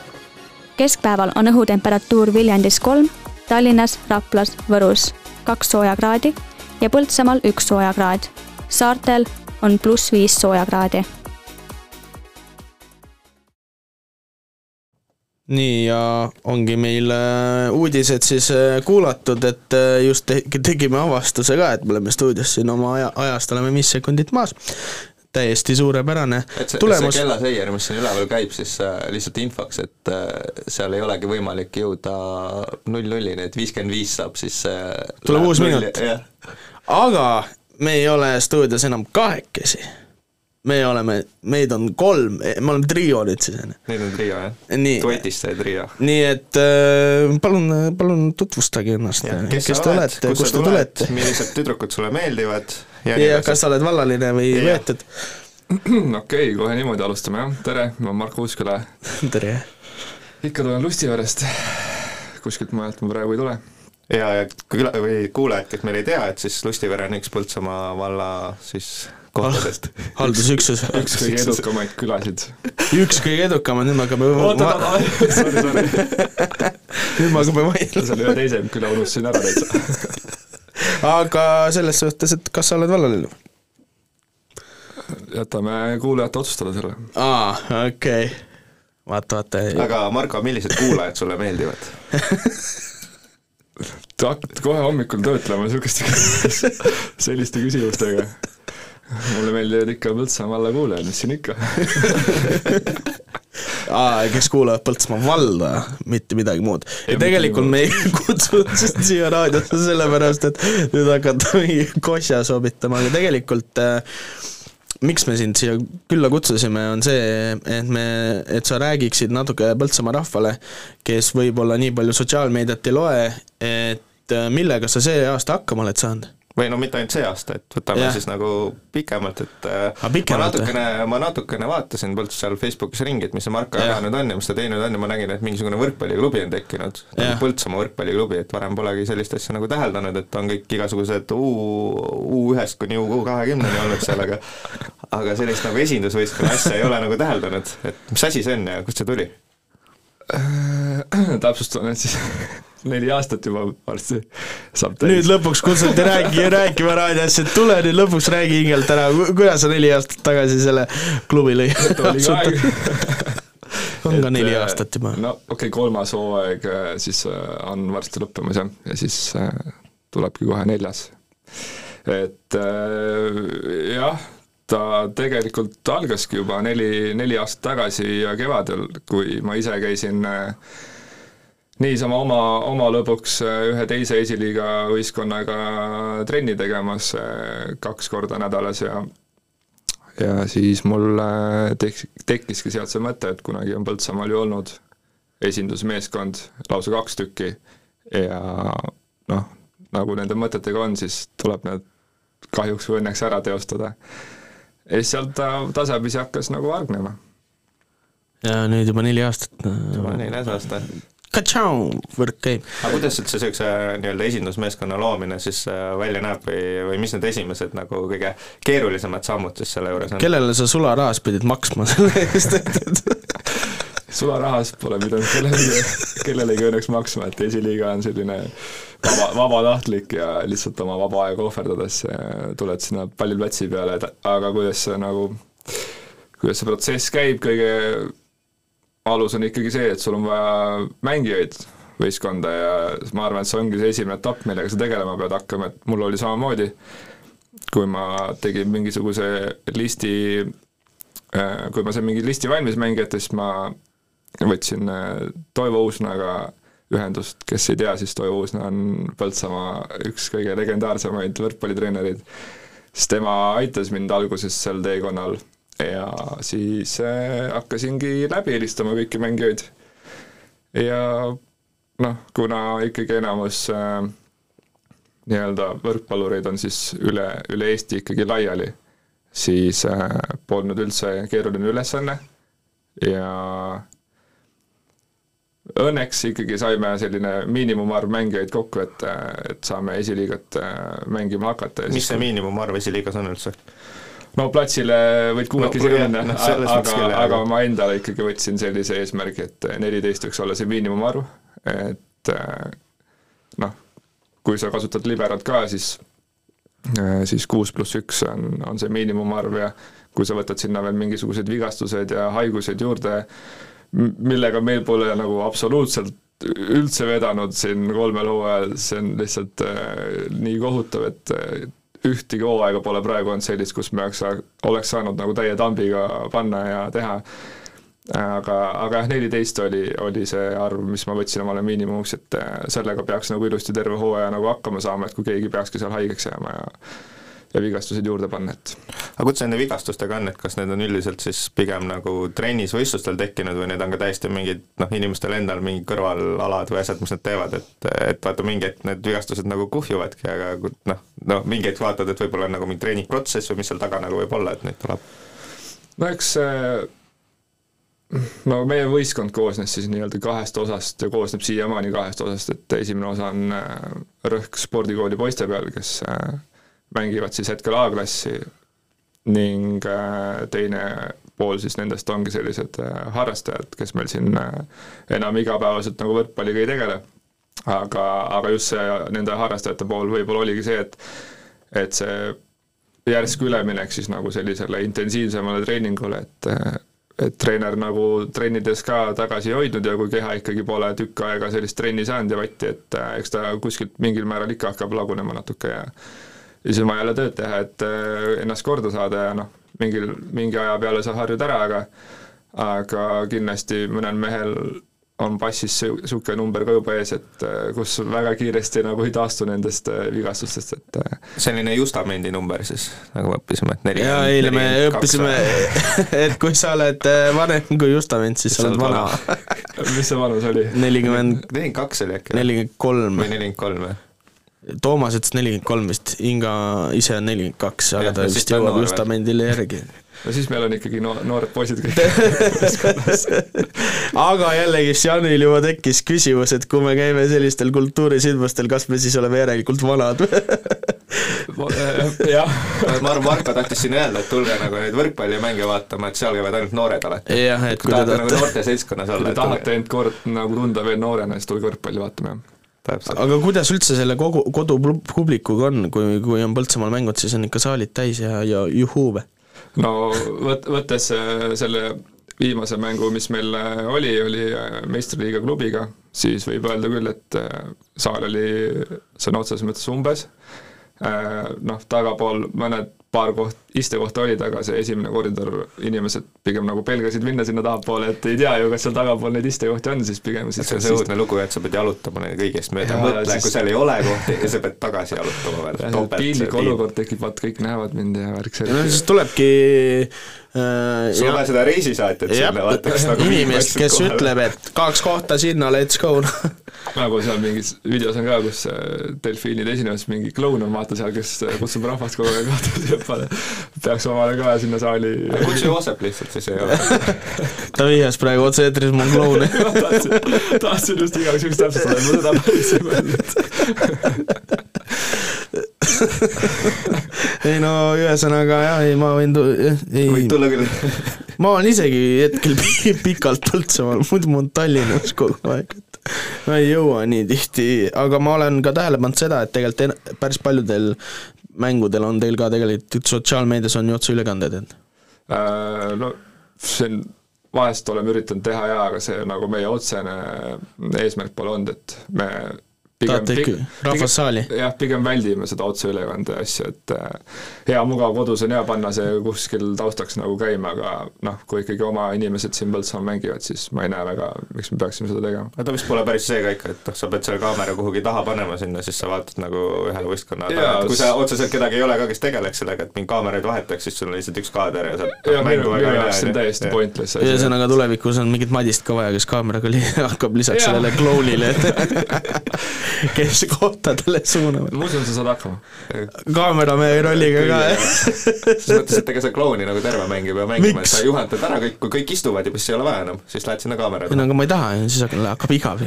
ikka klouni ikka full. et äh, kunagi, kui me alustasime täitsa, siis mul oli nagu selline mõte ka, et äh, viiks esiliiga korraldustaseme nagu ülespoole, et saaksimegi teha otseülekannet nagu reaalse kommentaatoriga. aga noh, vahepeal ongi see, et nagu, nagu sa ise ka tead, Jan, et need mõtted, mis tulevad, siis äh, kõiki ei saa päris ellu viia, et et võib-olla see oleks ka veidi utoopiline olnud, et ähm, võib-olla hea, et ei teinud. leia see kommentaator esiteks. kasvam-, noh see selleks, aga see kasvamise koht, et nagu kui sa pead tegelema sellega, et võistkond väljakule saada, kui neid vigastusi ja asju on, et siis noh, võib-olla sa ei mõtle enam selle peale, et jumala See video on teinejärguline, video sinna püsti, on ju. nii ta on jah, aga noh, siin mõned äh, teevad ka üle, otseülekandeid, aga neil on täpselt, täpselt samamoodi, et lihtsalt on pandud telefon kuhugi nurka, võrkpalliliidu poolt see on nagu soovituslik, et äh, või noh, mingil määral võib-olla isegi kohustuslik, aga nad seda niimoodi näpuga järgi ei aja, aga, aga ilus oleks, kui oleks, aga aga, aga mina olen võtnud sellise otsuse, et ei tee, pole mõtet. ehk siis kõik saali järgmine kord, ärge jääge lootma selle peale, et kuskil kodus diivani peal vaatate ja muidugi tulgegi saali, ega koduvõistkonnal ei ole ka mingit tolku nendest, kes seal ekraani taga vahivad, et kui, kui ei kuvata seda mingit Zoomi seda keskkonda kuskile saali ja siis saad seal mikri maha võtta, saad karjuda juhuu. aga, aga kui me võtame nüüd selle võrkpalli, on nii mehed kui naised, on ju, mõlemal. Nüüd jah. kolm hooaega käimas, olemas, et äh, mis sa ise arvad, et mis nagu need niisugused suuremad nagu õnnestumised olnud on selle projekti juures sul? ma arvan, et meeste, meeste puhul äh, üldse see tervik ise nagu või noh, ma ei tooks ainult mehi välja, et naised ka, et üldse see terve klubi, et äh, lihtsalt täpsustan ära igaks juhuks, et see klubi vedamine tuleb mu endast, enda vabast ajast, et paljudele on jäänud natukene vale arusaam asjast, aga aga just klubi tervikuna ma arvan, on see on juba niisugune õnnestumine ja eriti see, et nüüd need naised hakkasid mul siin Rahvaliigat mängima, et on Need jälle üks- naised, mul siin. Äh, jah, et äh, võetud, kurat. võetud. et nad Mark on ikka vallaline. okei, okei, jätkake, jätkake. sihuke sõnakõlks jäi kõrvu lihtsalt korraks, et.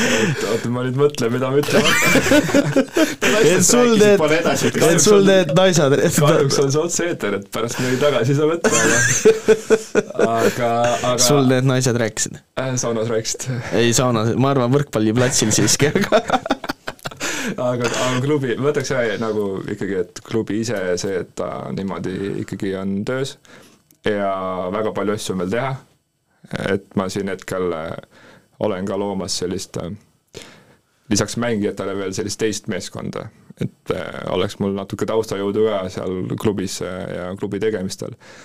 ja et äh, noh, kui tuua mõni mäng välja, siis äh, kolme aasta peale kindlasti see, kui meil nüüd käiski see Parrus äh, võrkpalliklubi ehk siis meistriga klubi käis külas, ma arvan, et see oli üks, üks äh, kõige lahedam kogemus selle kolme aasta jooksul. ja üldse sellise kodu, kodusaalis sellise publiku ees mängida, et me te, tegime esiteks väga hea mängu, ei, ei saa üldse midagi halba öelda, me isegi seal juhtisime vahepeal äh, game'i lõpus Parrust ka, et et meil kõik asjad nagu õnnestusid ja, ja suutsime nagu oma asjad ära teha, aga noh, aga naistega näiteks äh, praegu läheb ka meil väga hästi ja nad on väga tublid ja hästi arenenud ka trennis, et äh, see näitab seda ka, et me saame palju, palju trenne teha. et meestega meil on see jama, et me ei saa hästi palju treeninguid äh, läbi viia, kuna võistkond on pooleks, paljud on Tallinnast ja ja noored on siin kohapeal, aga ainult noortega seda esiliiga trenni ka teha ei saa. aga jah, eks hooaja lõpus on näha, mis see, mis see boonus on siis, kui on palju trenni saanud teha. aga nüüd punktis see..., punktiskoor on avatud ja sellega on nagu hästi.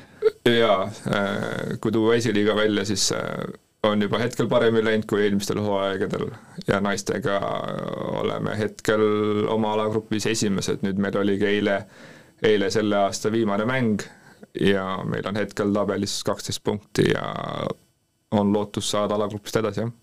juhuu noh, aplaus, siin ei ole seda aplausi, seda kõlli, aga pl- pl- plaksutame, Markol on tublid naised ühesõnaga. ei, aga ka-, kau-, kuna nagu hooaeg lõpeb, tegelikult on aasta lõpp ju. Äh, hooaeg lõpeb seal, no naistel äh, siis alagrupi mängud peavad olema mängitud jaanuarikuuga mm. -hmm. siis äh, veebruaris hakkavad veerandfinaalid ja märtsis või kuskil seal aprillis Tõmmatakse joon alla. tõmmatakse joon alla, kus on siis finaalturniir, kus on siis, kuhu pääsevad neli paremat äh, naiskonda. ja Rahvaliigas ongi see, et on kaks päeva äh, turniiripäev, siis äh, igast äh, sealt kuidas ma ütlen, mis need on äh, tasemed siis nii-öelda, et naistel on kaks tugevustaset ja meestel lausa kolm või neli ja segavõistkondadel on kaks, et äh, et nendest äh, igast tasemest neli võistkonda saavad siis äh, finaalturniirile. Meestel lõpeb turniir märtsi alguses. mitte turniir, vaid liiga. Hooaeg- liiga, hooaeg ja liiga, jah. Jah, aga kui me nüüd võtamegi nagu seal võrkpalliklubi, et ma tean, et meil on hästi palju kuulajaid, kes on siin äh, investorid, sponsorid, ettevõtete juhid, on ju, et Marko, millest sa puudust tunned praegu, et nagu võrkpalliklubi vedamine, et see nõuab Raha kindlasti igast ressurssi ja asju, et millest küsime otse ära. nagu puudust tunned? küsime otse ära, raha on või on vaja veel või?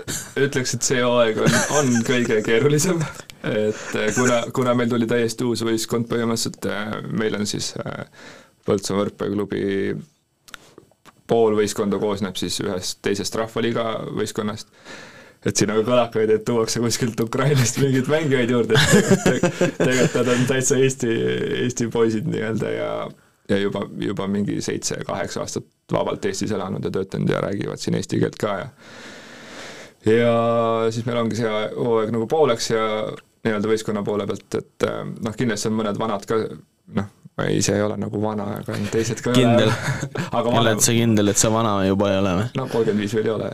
samas sa ei käinud ka eile seal Inga, Inga ja Toomas käis kuulamas. jah, sa vaatasid võrkpalli, sa oled noor. ma pidin eile naisi juhendama, jah. ja sa oled noor. et eh, kuna uus võistkond, siis siis pidi äh, uue, uued vormid ka tegema, uue kujunduste ja sponsorite ja ja kõik muu sinna juurde ja see peamine kuluallikas see aasta oligi need vormid ja ja aga kui jah, rahaline pool nagu ta on, et iga aasta üritad siin kuidagi miskit moodi jälle kokku hoida, et päris sellist aastat ei ole olnud, kus saaks nagu täie tuhiga ja mõnusalt teha kõiki neid asju, mida sa oled omal sinna paberi peale kirjutanud, et et ei ole veel niisugust hooaega tunda, jah.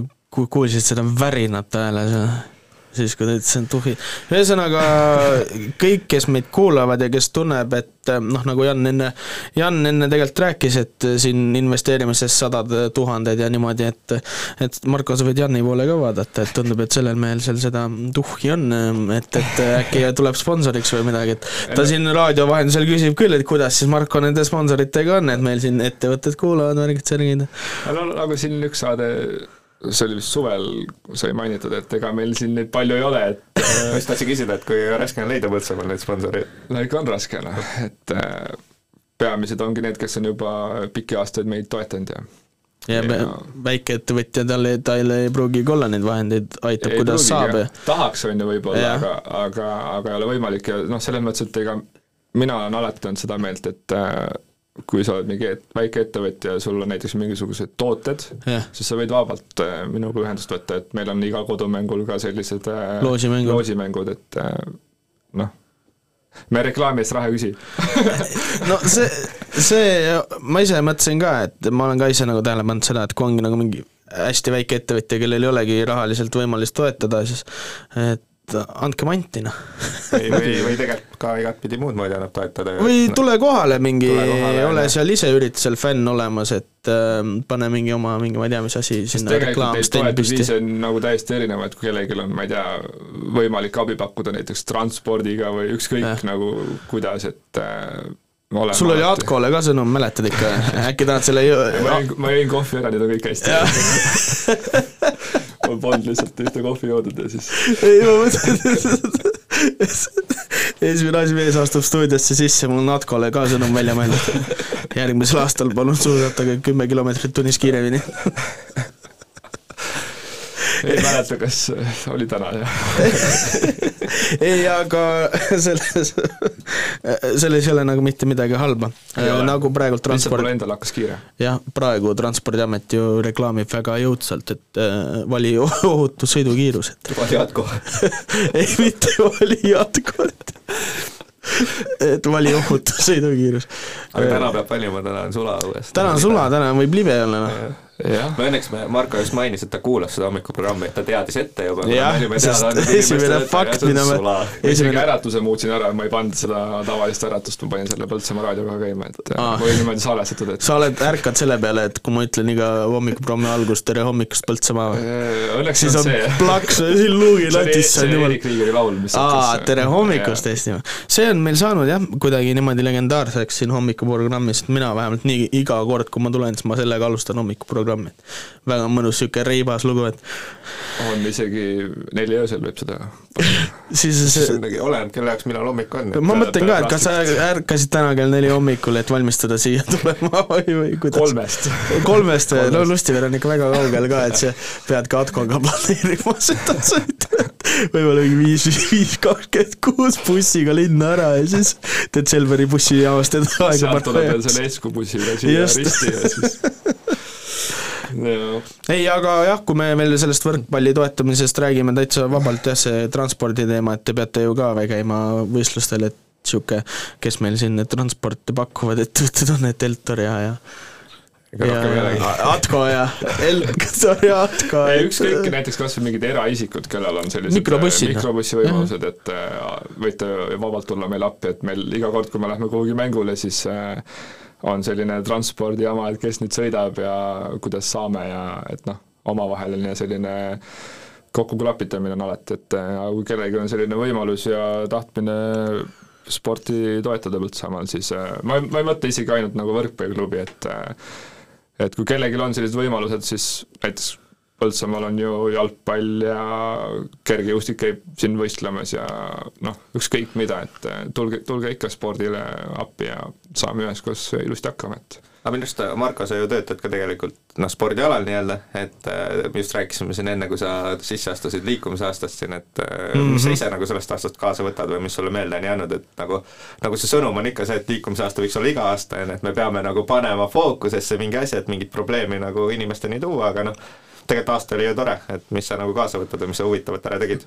no aasta oli tegelikult äh, väga tore üldse see ettevõtmine, et äh, sai siin ise ka käidud äh, erinevatel sellistel seminaridel ja kuulamas teisi endast targemaid inimesi aga ikkagi noh, kõige suurem probleem on see, kuidas sa, kuidas sa saad müüa selle idee inimestele maha. et me võime mõelda välja igasuguseid lahedaid asju võime, ma ei tea, ükskõik mida teha, aga kui ikkagi inimene ise noh, ma ei tahaks öelda, et on laisk ja ei viitsi enamasti vist need, kes nagu noh, see mõjub nagu neile, kes niikuinii juba liiguvad, aga vaata, nad ei ole ju alati see sihtgrupp, on ju, et sa üritad just haarata neid kõrval olevaid. et need, kes juba liiguvad, neil on see juba nii-öelda harjumuspäraseks saanud, aga, aga need, kes äh, väga palju noh, ise vabal ajal ei tegele, ei lähe kuhugi midagi tegema, siis kuidas sa nendeni nagu jõudma peaksid või et noh, sa võid nendeni jõuda, aga kuidas sa neile seda idee maha müüd, et äh, et mis neid nagu motiveeriks seda tegema, et äh, kahjuks inimesed praegu on läinud jälle seda teed, et et midagi peab ju saama, kui sa midagi teed, et äh, inimesed ei mõtle enda tervise peale üldse. aga kusjuures andke mulle medal, kui ma lähen õhtul kõndima või ma jalapoodi lähen, on ju. et see ongi tegelikult päris kurb, et äh, noh, võta nagu ma ei üldista, ma ei üldista praegu, aga lihtsalt enamus on ikkagi Ei, see on nii. tegelikult meil on hea, hea mõte sulle siit kaasa anda, et äh, nagu me korra juba täna mainisime, et mainime uuesti, et see kõikidele, kõikidele kuulajatele ikka meelde jääks, et Kõik. äh, raadioprogrammi juht siis Saamuel Aksel Maikalu on lubanud uuel aastal ilusti iga päev hommikujooksu tegema lisaks kümme minutit raamatut lugema. ja ta ei taha selle eest midagi, nagu see on kõige ta ei taha mitte midagi, ta lihtsalt on ma arvan, seda et see on mingi konksu. konksuga värk. aga Marko, mis mõtte sa talle kaasa annaksid, et kui ta nüüd plaanibki esimesest jaanuarist iga päev nagu tegema hakata, et ilmselgelt seal tuleb mingeid raskusi ette, on ju, et mis, mis need viisid võiksid olla, kuidas ta suudab ennast nagu motiveerida ja seda siis järjepidevalt teha? mina olen alati no eks mul endal on ka siuksed tõusud ja möönad olnud, aga hommikujooksudega eriti nagu. korra alustad, siis järgmine päev juba ei lähe, aga, aga ei ikka, see on äh, täiesti nagu enda, enda sundimine. kui, kui sa ei taha minna, siis sunnid ennast ja kui sa lõpuks oled seal esimese kahe kilomeetri peal, siis saad aru, et tegelikult on kaif, noh no.. et äh, ei, ei ole päris see, et tunned ennast hommikul, noh, ma ei tea, et ei, ei viitsi, aga aga lõpuks ikka lähed, siis pärast jooksu duši all mõtled ka, et noh, tegelikult ikkagi tasus ära, et tegelikult on ikka väsinud olla hommikul vara juba. tegelikult tasu käia. nii et Saamuel, kui sa meid kuulad, siis me kõik oleme sinuga ja me elame esimesest jaanuarist sulle Täiega kaasa. täiega kaasa. ja ära võta omal esimest jaanuarit, võta juba homme hommik näiteks. Mitte uue aasta lubadus. ei ikka uuest aastast ega homme ei saa. vaja ju raadiot ka juhtida. täiega alustad kohe, siis tekivad vigastused. rahulikult, rahulikult. et esimesest jaanuarist võib saada täitsa vabalt esimene jaanuar kaks tuhat kakskümmend viis. ega ja aastaarvu ju ei täpsustanud, et ma- ma- lihtsalt mulle see liikumine, et sa, sa pead nagu ise tahtma seda teha, vaata, liikumise juures, siis mulle me-, ma meenuski see, kui Jean eile mind jalutama kutsus, vaata. Mingi kümme minutit jauras, lõpuks läks, läks ise ikka üksi jalutama. ma kuulasin Põltsamaa raadiot, nii Mul et see oli- väga oli- põnev, kuulasin paari jaa. saadet järgi, nii et mul oli visahing viite vaja vaadata. mul oli tegemist, aga, aga liikumisest rääkides, siis äh, ega tegelikult äh, mida rohkem sa seda oma ellu tood sisse, seda rohkem sa tegelikult äh, noh, ka harjud ära sellega, et sa liigud rohkem, et no näiteks minul oli ka see, et kui ma load sain, siis Tallinnas täpselt samamoodi plaks kuu aega autoga poodi võtta mm. -hmm. ma ei viitsi ju selle poekotiga tulla, vaata tipa-tapa, tipa-tapa, on ju aga kui sa ise peksad ennast sellest äh, rutiinist välja, noh, me ka käisin siis, kui enda end, praeguse kaaslasega tutvusin, käisime jalutamas värgid-särgid, siis see muutus nagu selles suhtes sulle mugavamaks, siis sa käisidki rohkem. kas ainult sulle või talle ka? ei no ma ei tea, ma pole küsinud seda, et kas tal oli mugav, mugavam kõndida, et, et varem nagu üldse, no mina selgitasin seda sellena, et kuule, noh ta ütles vaata, et noh, et mine jalutama, vaata, siis ma ütlesin, sa võiks ka tulla, on ju, ja siis ta oligi, et et miks sa üksi ja siis, siis mul on nagu see, et kuidas sa lähed mingi öösel kell kaksteist üksi kuskile parki jalutama, et et kõige halvemad õudusfilmid ja stsenaariumid saavad just nii alguse, vaata. eriti Tallinnas Mustamäel, ma ei lähe üksi jalutama ja mul reaalselt peab mingi üks, üks, kaks liin peab kogu aeg olema valmisolekus, vaata ei, mitte nii- hull see ei ole, aga, aga mis mu point on, on see, et eh, kui sa hakkad rohkem liikuma, siis sul see liikumine muutub ka rohkem hingelähedasemaks ja sa harjud ära sellega, et sa liigudki rohkem, et saab harjumuseks jah, et sa varsti Jah. teed seda juba muus eas, et sa ei pane isegi tähele seda. et miks nagu nii palju räägitakse ka, et miks lapsed, noored lapsed peavad koolis hakkama liikuma rohkem, et noh, ei ole seal vahetunnis nutitelefonides. et nüüd ju eh, eelmine hommikuprogramm eh, Tallinna Rotary klubi ju tõi Põltsa-, toob jaanuaris Põltsamaale vahetundidesse keksumängu ja food, foodbag'i, eks ole. et see annab jälle lastele seda liikumist juurde, et, et noh, see ongi see, et tekiks neil see harjumus, et nad ei kardaks seda või noh, ei, laiskus ei saaks seda võimust, sest ma enda käest näiteks tean seda, et et kui sa juba selleks laisaks muutud ja vapsi üldse ei liigu, et siis on, sul on nii mugav, on ju. sa panedki auto, auto sinna poe ukse ette näiteks on ju kõi- kõige esimene parkla, mis on, on ju, et et mis oleks uksele võimalikult lähemal, juba mõtled sellele, on ju, et tahaks uksele võimalikult lähele, siis tahad poodi minna kuskile, mis pood on tegelikult sul mõnusa jalutuskäigu kaugusel no ma on arvan ka, et Põltsamaal ei ole nagu siis sa lähed ikkagi autoga. jah, aga sa lähed autoga ikka, sest see on see puhas mugavus. oota, mida? ma ei kuule, mis ta ütles. poekotiga ja Põltsamaalt Lustivere on küll raske. kusjuures ma olen äh, sina lähed Atkoga, kuule. sa oled, sõidab rahulikult ma aga. Lustivere tee pealt ma olen küll inimesi äh, järgi on kutsutud, et noh, pool teed on juba ära jalutatud, aga siis on rohkem pole viitsinud. rohkem on jah öeldud, et kunagi enam Lustivere ei lähe ka. mina kunagi jäin koolibussist maha, kui ma Pisisaares elasin ja, ja ma reaalselt kõndisingi Pisisaarest Põltsu kooli nagu. sa jõudsid mingi viiendaks tunniks ei, lõunaks. teiseks tunniks, tund aega kõndisin. aga see põhimõtteliselt teeb sama välja, kui bussiga oleksid läinud ju. jah, et oleks harjumus tekkinud, oleks iga hommik hakanud jala minema bussi asemel, onju. aga seda harjumust millegipärast ei tekkinud, onju. aga siis oli Eltoni fi- ve- veofirma ka veel, vaata siis sõitsid liiga kiiresti. siis, siis Eltor sõitsid piisavalt kiiresti, vahepeal mõni talv seal mõni ratas pani jooksu kuskile ei, tegelikult bussiliinid on meil, tegelikult bussisüsteem üldse on päris hea, noh, okei okay., Lustivere poole pealt on küll kidunud natuke, et ma ei tea, mis bussid sinna Esku lähevad ja kas üldse lähevad, et äh, Lähed seal, sinna lähevad ikka. oi ma siis, kui ma Decoras töötasin, ma käisin kogu aeg Atko peal. Polnud mingit, polnud mingit küsimust. hommikul tööl, töölt koju märgid no vot, ja auto jättis koju, jah? Ei, siis mul ei olnud lubegi veel. mis sa arvad, et ma olen kogu aeg olnud luba, lubadega privileeg, ei, ei, ma olen pidanud ka jalabussi eks peatusesse see lubade kõndima. teema on see, et alguses tuleb, et tahad nagu hullult sõita kogu aeg igale poole autoga olla, aga see õnneks noh, mingi aeg nagu vaikselt hakkab üle ära minema, et siis hakkad jälle vaatama, et noh, ma ei tea, see pood on seal poole kilomeetri kaugusel, et ma jaa, aga ei ei siis oleneb, mis, sa elad oleneb, Tallinnas, sinust me saame oleneb, mis mugavustsoonis sa oled, vaata. Mida vanem auto, seda rohkem kahju sul temast hakkab. et kui, kui sul nagu turbode pealt või midagi, vaata, et kohe hakkab minema, et sa lähed jalapoodi, vaata, siis sa ei julge minna autoga. auto naeratab ka pärast sulle. et äh, auto on jah, paras sihuke, kelle, noh, ilmselgelt on äh, osadele kindlasti väga vajalik liikumisviis, on ju, aga, aga kui me räägime jah, Põltsamaal meie poodi minekust, et siis äh, kui sa elad ise siin EHA kandis või noh, siin lossi kandis, et siis kas sa lähed autoga poodi? Et No võiks me- nagu tipa-tapa minna, no muidugi võiks. aga suuresti teevad tegelikult silmad ette vanemad inimesed tegelikult noortele, sellepärast et need panevad meeletuid kilomeetreid. ja, ja iga päev, et nad võtavad ja sest vanematel inimestel, ma ei tea, siis kui mina Maximas nagu mingi aeg töötasin, siis ma nä- nägin nagu käitumismustrit vanemate inimeste puhul, et nemad Ta hästi hästi palju tee-, teevad seda, et nad käivad poodidest poodidesse ja võtavad vastavalt sealt, kus on odavam. Et sa teed niimoodi, et neil ongi nagu sõjaplaan valmis nagu. nagu. sa vaatad üle, kõigepealt teed nagu selle ülevaatuse, on ju, et noh, Maxima Selver ja Just. Kross ja Rimi, on ju. no meie poeg, tegelikult võiks, tegelikult võiks meie poe ka sinna panna, siis on viis tükki, et sa käid nagu kõik läbi ära, sa ei osta veel mitte midagi. no kes ikka siia teisele poole jõge tuleb. lood omale selle pildi ette, siis hakkad mõtlema, nii, Maximast võtan seda, sealt võtan seda, Aga tegelikult saab päris palju samme täis ja nad ei mõtlegi selle pealt, et nad seal toitu saavad, need on liikumisaasta. ja ma mõtlesin, Nad ei mõtle selle peale, et nad sammud täis saaks.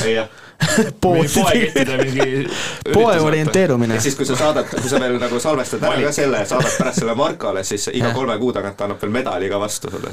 šokolaadimedal. ma arvan, kindlasti vanem inimene mõtleb selle peale, et ta saab kolme kuu pärast medali Marko käest. šokolaadimedali ka veel, et, et päris nii nad ei mõtle, lihtsalt nad teevad meile kui noortele silmad ette. ma tahaksin korra selle äh, võrkpalli teema juurde korraks tagasi põigata, et äh, üks asi, mis, mis selle jäi hingele. Hingele jäänud, aga Räägi ära. aga, aga, just see, et nagu arengukavas oli ka sees, et äh, on vaja luua siis esindusmeeskond või meeskonnad, ei mäleta, kuidas seal täpselt kirjas oli, et äh, hea meel, et siin on tulnud ka teisi võistkondasid juurde, et oligi üks suur eesmärk nen- nende meeskondade loomisel, et et saaksime ka teisi äh, neid fanatte juurde. Praegu siis on äh, jalgpall ka tulnud oma rahvaliiga võistkonnaga, saalis mängivad äh, rahvaliigat. ehk siis saali jalgpallis on ka meil olemas oma esindusmeeskond. ja ma usun või loodan, et see meie esindusmeeskonna loomine oligi selline väike tõukeplatvorm äh, teistele siin, et tehke ja mõllake, et aga, aga selle jaoks ongi vaja fanatti sinna ette. et väga hästi on läinud, võiks öelda. uus võistkond on juurde tulnud. jah, ma arvan ka, et, et See kui keegi fun- nagu näitab tee ette, et siis on ka noh, tegelikult on meil neid spordialasid ju veel, kus võib tekkida siukseid, ja õnneks on meil ka see fanatt olemas, on ju. jah. tegelikult, tegelikult neid on palju, aga, aga see ongi see, et äh, sa pead ise noh, sa pead Mar- ise Marko, kui sul praegu vest seljas oleks, siis ma tõmbaks paralleeli siin millegiga, aga mul peaks olema vähe pikemad juuksed ka. Pohlak. Aivar. aa, ma just mõtlesin, et ma hakkasin mõtlema just, et mille, kus see vest ja pikad juuksed tulevad ja siis, kui Marko Marko vaikselt, et poolaks, siis see, no selge, noh. see on viimase aja kõige kuumim teema, et, et jalk, jalkakohtumised on ka kujunenud selleks, et lauldakse, et pohlak, astu tagasi või midagi, et äkki varsti hakatakse minust laulma, ma ei teagi. no oleneb, praegu läheb ju naist, naisvõistkonnal läheb ju päris hästi. tullakse sinna plakatitega aga mul pole ohtu vaata, et äh, jalgpallivõistkonnal läheb ka, mitte võistkonnal, vaid Eesti koondisel läheb ka halvasti, et äh, lauldakse, aga tagasi ei astu, nii et noh. Uusküla out. Uusküla out, aga Uusküla jätkab, et äh, ei ole probleemi. niikaua, kui Atko korralikult sõidab Lustivere vahet, niikaua jätkuvad ka võrkpalliklubi mängud, et nii kaua saab ka treener tulla ja trenni andma. aga ma mõtlen selleks, et Marko nagu sealt, kes veel ei tea, siis võrkpalliklubi on siis MTÜ ja seal on tegelikult kolm juhatuse liiget, et on Marko, olen mina ja on Marko isa, on ju. Et selleks, et siis äh, Markot nii-öelda maha saada sealt, siis me peame ta isaga kokku leppima. Te võite teha ühe koosoleku, kui tahate. et jah, kahest häälest siis MTÜ-s ikka piisab. ja siin väi- väike üleskutse ka, et nagu ma enne mainisin, siis on plaanis luua selline väike taustajõud, kes tahab nii-öelda panustada Põltsamaa võrkpalli arengusse, siis eh, julgelt võtke minuga ühendust, et oleme sellist mitteametlikku äh, kuidas ma siis ütlen, ütleme nõukogu või, saab öelda või? jah, vist. võib öelda vist jah, loodame, et kellelegi see vastu karvu ei ole, aga hiidamast, taadamast. et sinna, sinna, sinna ko- koondamegi siis inimesed, kes tahaksid äh, arendada Põltsamaa võrkpalli ja anda oma panust sinna kuidagimoodi ja luua koos mingeid ägedaid asju ja teha.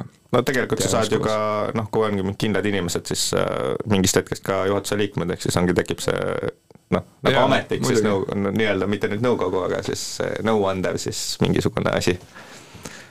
no see on ja mina, mina soovin veel seda, et tuleks tagasi jalgpallis äh, liigavõistkond, kes väljas mängib, mina ootan veel seda aega, et äh, ma loodan, siin treenerid äh, suudavad seda mingil määral teha, aga noh, tuleb jällegist nagu peeglisse vaadata, kas sul on neid mängijaid, kellega sa saad seda teha. jalgpallis on üksteist ja, et väljakul. jalgpallis on juba rohkem vaja, on ju, et et noh, ma ik- ikkagi loodan, et, et see mingil a- ajal saab teoks ja ja see esindusmeeskond tuleb sinna jalgpalli välja ka, et oleks jälle rahval midagi suvel vaadata, et äh, praegu suvel ma ei tea, mida sa saad võistkondadele kaasa elamas käia, ei olegi vist praegu midagi. ega vist ei ole jah. Võib-olla teeme kellele, kellelegi liiga, no äkki noh, rannavõrkpall mingil määral midagi, jah, aga noh, see ei ole päris see. aga, aga, aga muidu ei ole jah. oleks, oleks pull. samas noored muidugi jällegi jalgpalli plussi pealt ka, et noh, noored mängivad, et seda on tore jaa, näha, jaa, et jaa, kunstmuru jaa, peal ja ja noored on ju olemas.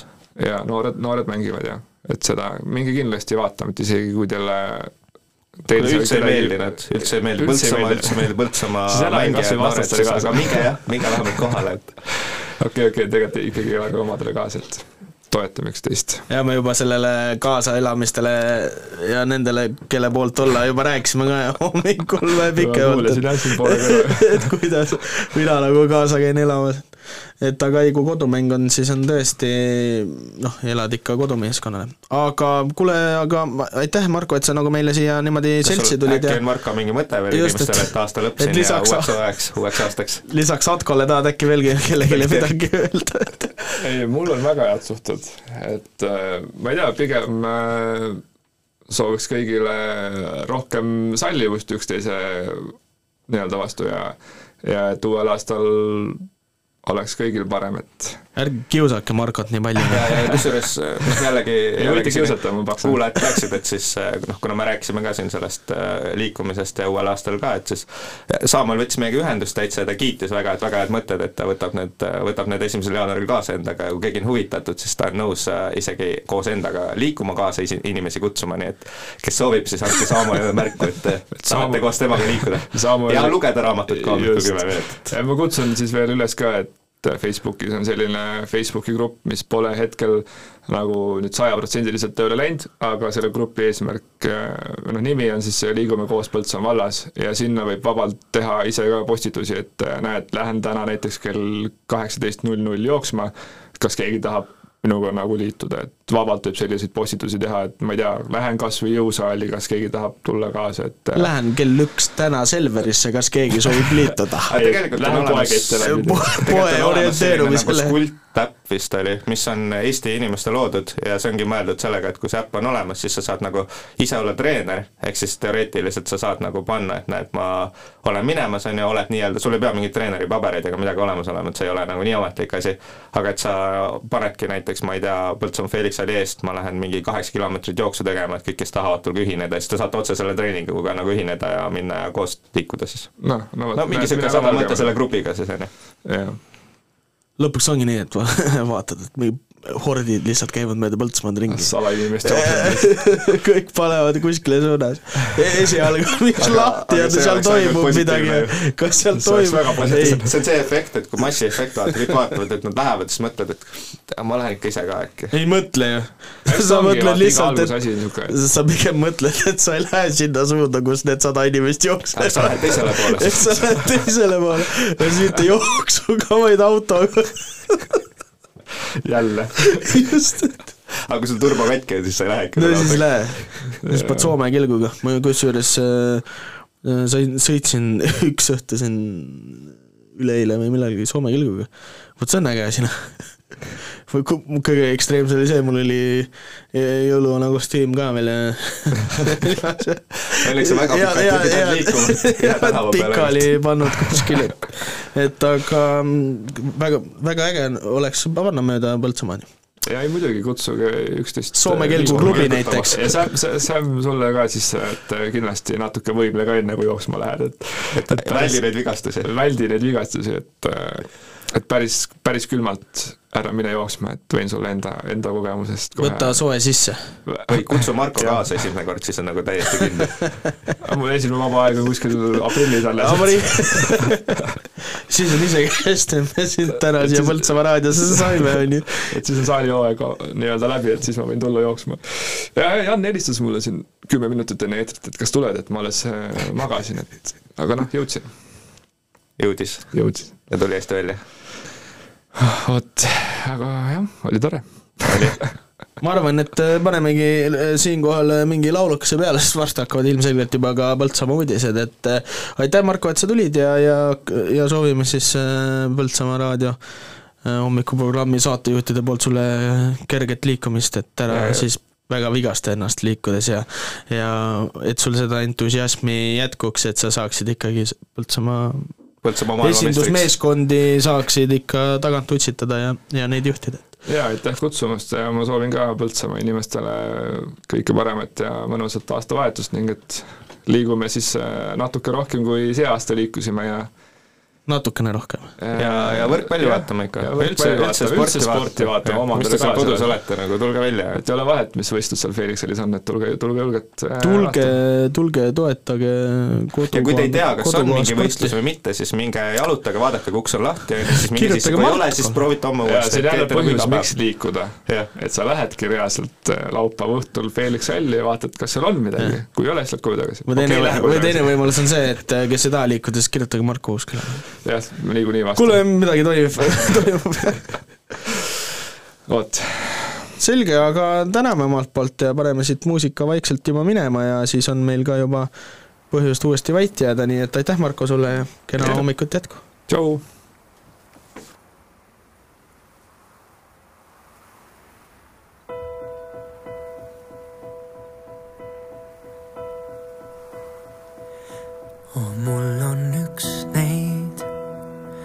Ta on uskumatu leid, ei miski lahuta meid.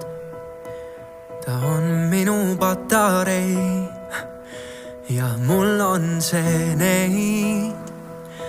ta on mu ingel, mu kalju kõrgeim, ei ole nii kaunis neidu varem ma näinud lastena kõik see nii lihtne ju näis, lootus ja naer käsikäes käis, kuid siis veel ei mõistnud me. see aeg kord saab täis, kuid kohe ju tundsime, et koos me hingame nii heas kui halvas. üksteist hoiame.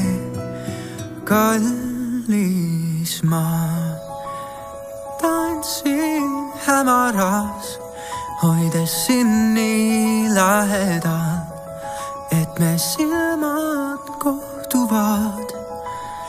tähtede all me lamame, sinu juustes sasin ma ja sosistan vaikselt läbi öö, teha, et oled imeline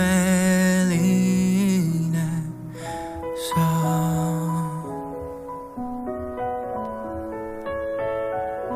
ja teadsin, et õige leidnud ma, see süda mul puhkes õitsema, kui seisis mu ees ta vihmavees ja miski just süttis minu sees.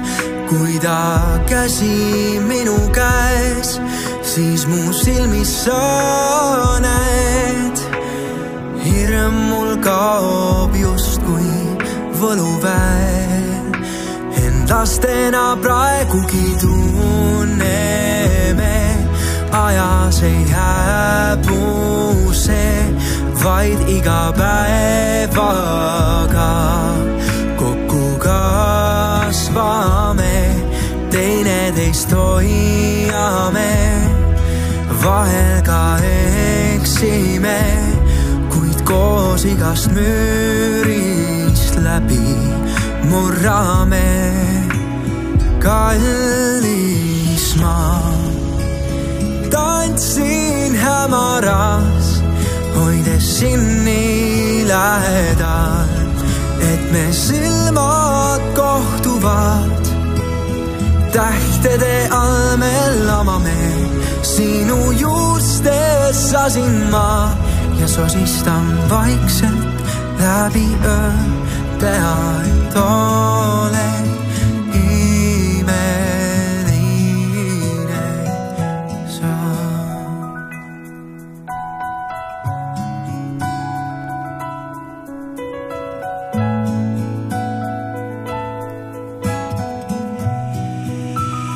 kallis ma tantsin hämaras, hoides sind nii lähedal, et me silmad kohtuvad.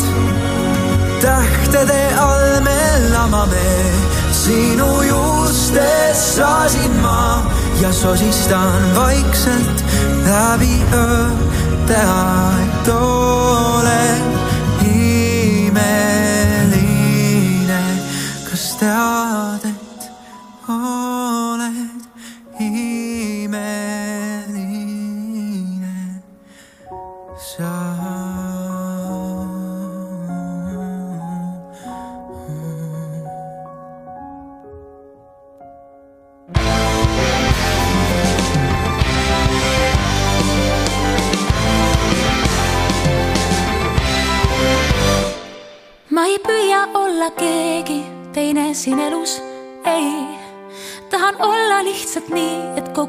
poleks valus, kui võib. igal sammul, mis ma teen, kõik mu ümber vaid variseb. nüüd jätkata küll nii ei saa. tunnen, et mu näol on mask ja see pole päris ennean, kelle jaoks kõik see, kui sisimas ikkagi närib, ei tea pidevalt kui võrgus loon, tunnen end enam vale toon, mis kõrvus kumiseb,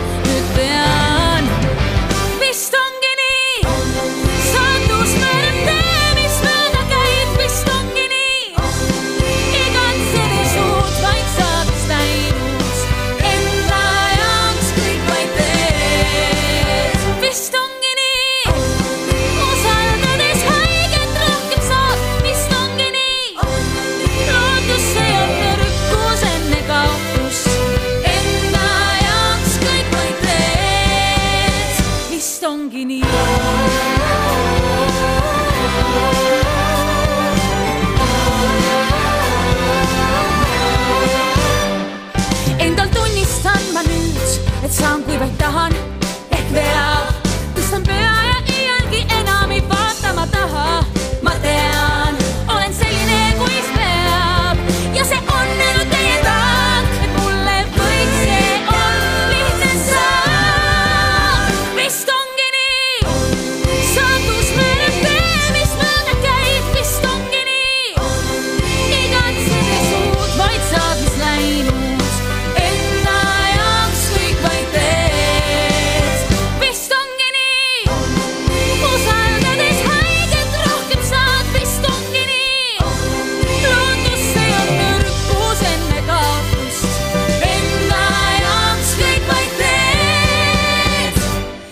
ega kaotada ei ole enam midagi, see on selge.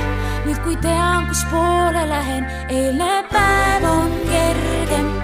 keegi mind ei peata, reegleid mul ei seata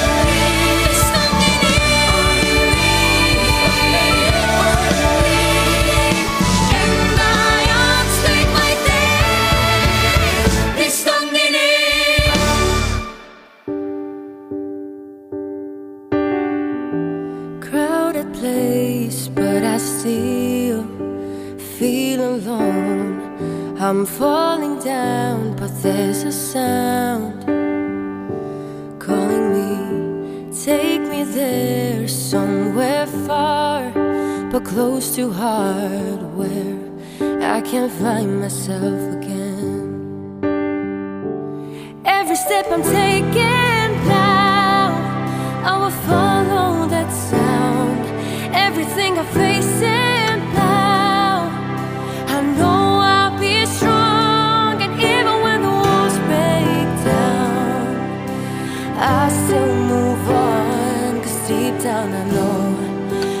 have to carry on, have to carry on.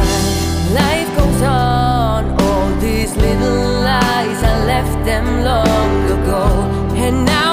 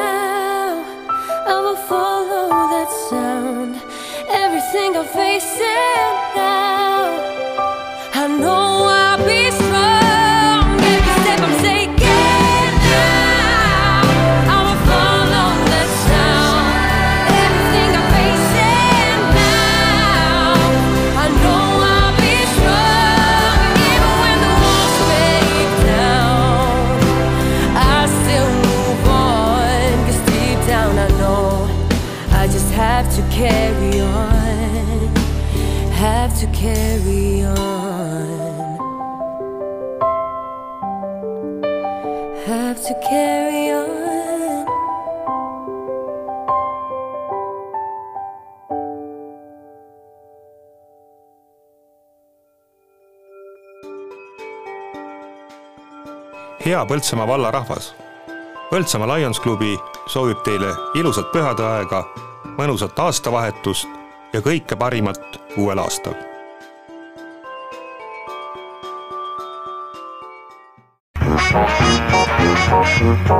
täna õhtul kell kuusteist kolmkümmend loosikasaade. et võita, jälgi Põltsamaa raadio sotsiaalmeediakanaleid nii Facebookis kui ka Instagramis. loosika. Kesk-Eesti võimsaim maamärk, uuendatud Põltsamaa lossikompleks ootab sind külla. tule uudiste ajalugu väravahoones, imetle kauneid vaateid lossitornis, naudi hõrgutavaid roogasid restoranis Oberbalen, külasta kunsti- ja käsitöökodasid ning kirikut. vaata lisa poltsamaloss.ee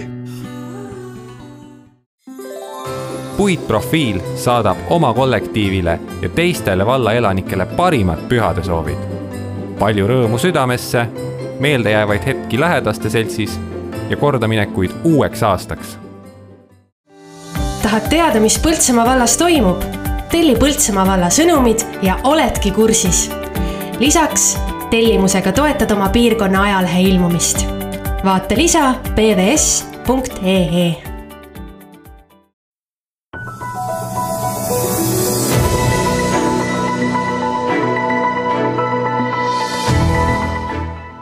käes on reede, kahekümne üheksas detsember ja te kuulate Põltsamaa raadio uudiseid. eetris on uudistetoimetaja Karola Vels. Põltsamaa vallas pakutakse tasuta lumetõrjet erateedel juhul kui algas Kuningamäe puhkeala ja Mäenõlva kinnistute detailplaneeringu koostamine.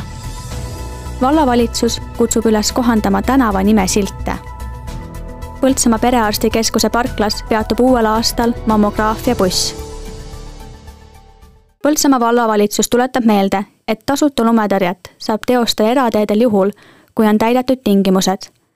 tasuta lumetõrjet tehakse erateedel, mis viivad aastaringselt alalise elukohana kasutatavate majapidamisteni ja kus teeservad on takistustest puhtad.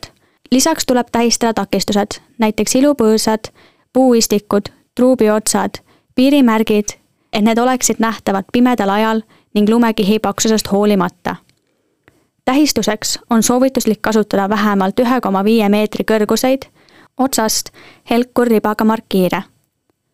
tähistatud teede ja truupide otsad on hädavajalikud nii lumetõrjetööde kui ka prügiveoteenuste osutamiseks. lisaks tuleb tee kohalt minimaalselt nelja meetri kõrguselt eemaldada puudooksad ja tee servast ühe meetri laiuselt. veel tuleb hoolt kanda, et tee kõrval on koht, kuhu lund lükata ja vaadata, et tee laius võimaldaks tuletõrjetehnika liikumist ja lumetõrje teostamist. Põltsamaa vallavalitsus algatas neljandal detsembril Kuningamäe puhkeala ja Mäenõlva kinnistute detailplaneeringu koostamist. detailplaneeringu eesmärk on rajada Mäenõlva kinnistule lasketiir, kujundada mäesuusanõlvad ja ehitada vajalik taristu lisaks soovitakse detailplaneeringuga laiendada Põltsamaa linna Kuningamäe kinnistul suusaradasid. koostav detailplaneering on kooskõlas nii kehtiva Põltsamaa linna üldplaneeringuga kui ka koostava Põltsamaa valla üldplaneeringuga. detailplaneeringu tööprotsessi saab jälgida veebilehel poltsamaa.ee. räägib Põltsamaa vallavalitsuse majandusosakonna juhataja Kersti Paas üks see kõige algne detailplaneering, mille alusel see, see nii-öelda praegune suusamägi on sinna juba tekkinud. see planeering on väga ammustel aegadel juba kehtestatud ja selle, selle alusel on seal seda mäge ka nii-öelda tänaseni kasvatatud. aga kuna nüüd siin paar aastat tagasi ilmselt võib nii-öelda tekkisid nagu uued mõtted just nende suusamägede mõttes, et ei ole ainult murdmaarajad, vaid on ka, et oleks võimalik ka mäesuusa, mäesuuska seal harrastada ja kõiki muid selliseid tänapäevaseid harrastusi, siis selleks oligi tarvis uue planeeringu algatamine. ja sellega me olemegi praegu nagu selles mõttes tegelenud aga see takistus on tegelikult väga, väga lihtne, et seal, seal puhkealal on üks peakraav, millel on ehituskeeluvöönd. ja, ja kuna need, see peakraav jäi siis täpselt nende kavandatavate mäesuusa nii-öelda radade teele ette, siis, siis me nüüd tegelesimegi sellega, et, et saaks selle kraavi nii-öelda kanaliseerida või nii-öelda kinni panna ja torusse panna Põltsamaa vallavalitsus juhib tähelepanu tänavanime siltidele. uudis puudutab elanikke, kelle koduseinal või kinnistut ümbritseval aiapostil asub kakskeelne tänavanime silt. vald ootab kirillitsa nimekuju eemaldamist või tänavasildi vahetamist eestikeelse vastu. räägib Põltsamaa vallavanem Karro Külanurm kolmandal novembril käesoleval aastal andis Keeleamet teada, et neile on laekunud ühe kakskeelse tänavanimesildi kohta kaebus. sellest ka üleskutse teha tänavasildid korda, nagu näeb ette seadus. samuti soovitati üle vaadata kõik linna tänavanimesildid ning korraldada õigusaktidega vastuolus olevate siltide kooskõlla viimine keeleseaduse ja kohanimeseaduse nõudega kaheksanda kuni üheksateistkümnenda jaanuarini saavad põltsamaalased külastada mammograafia bussi, mis asub Põltsamaa Perearstikeskuse parklas. kahe tuhande kahekümne neljanda aasta rinnavähi uuringugruppi kuuluvad naised sünniaastatega tuhat üheksasada viiskümmend, tuhat üheksasada viiskümmend neli, tuhat üheksasada viiskümmend kuus, tuhat üheksasada viiskümmend kaheksa, tuhat üheksasada kuuskümmend, tuhat üheksasada kuuskümmend kaks, tuhat üheksasada kuuskümmend neli, tuhat üheksasada kuuskümmend kuus tuhat üheksasada kuuskümmend kaheksa, tuhat üheksasada seitsekümmend, tuhat üheksasada seitsekümmend kaks ja tuhat üheksasada seitsekümmend neli. sihtgruppi kuuluvad naised saavad saatekirja alusel sõeluuringu läbida tasuta. rohkem infot mammograafia busside ajakava ja registreerimise kohta on leitav Tervisekassa kodulehelt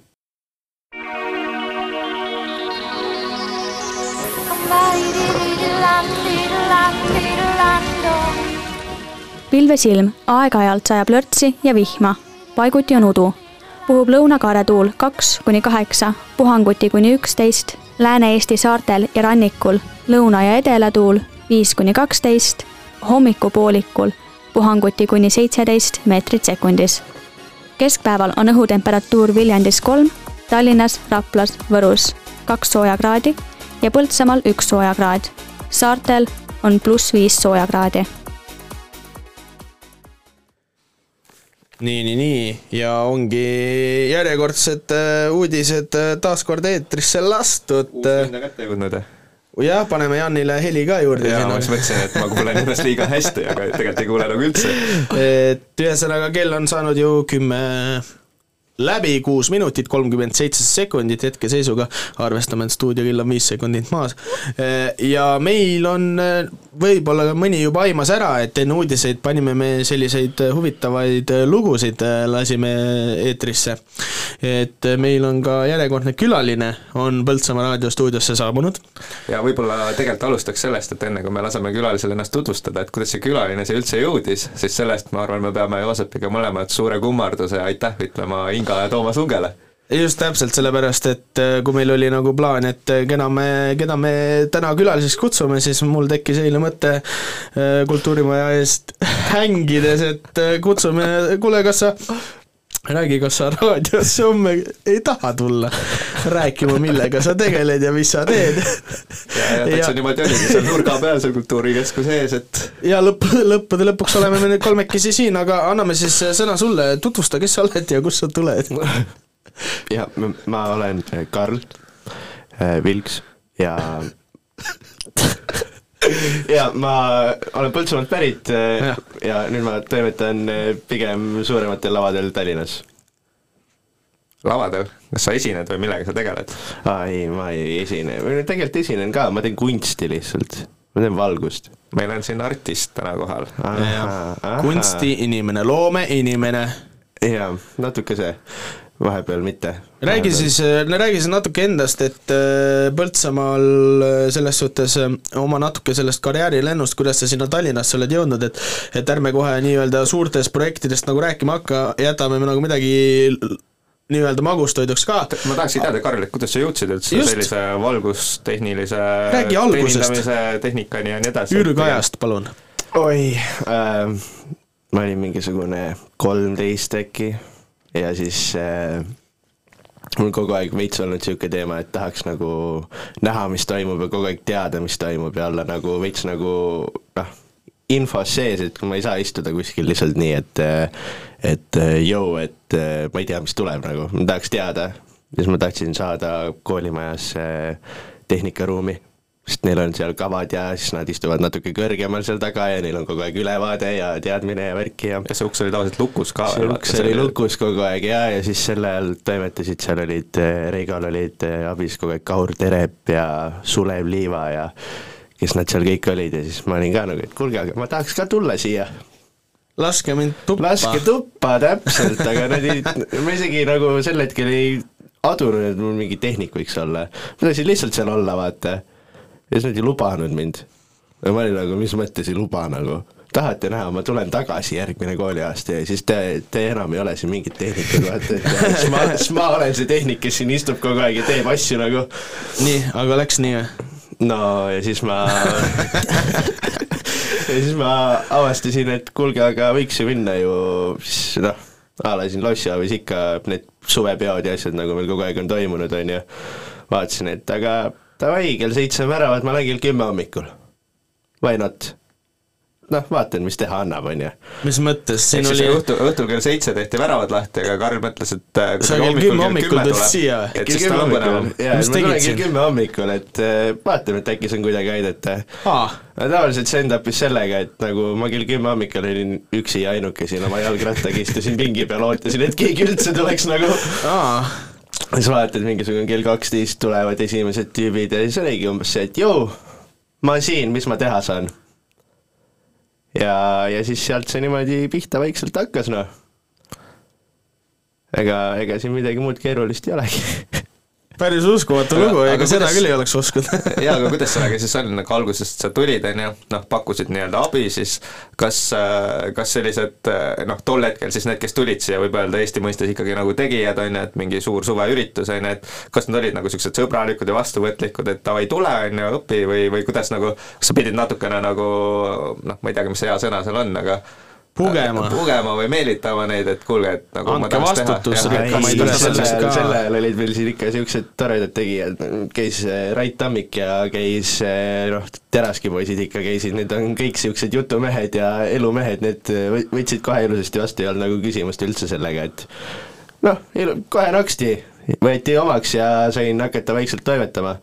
Ja siis äh, kõige toredam selle asja juures on alati see, et ikka, ikka meenutada, kuidas äh, esimesed kaks aastat ma olin poiss jalgrattaga, kes iga, iga üritus oli kohal, peale iga ürituse kokkupakkimist kadus oma jalgrattaga ära, mitte keegi ei teadnud, mis mu nimi on.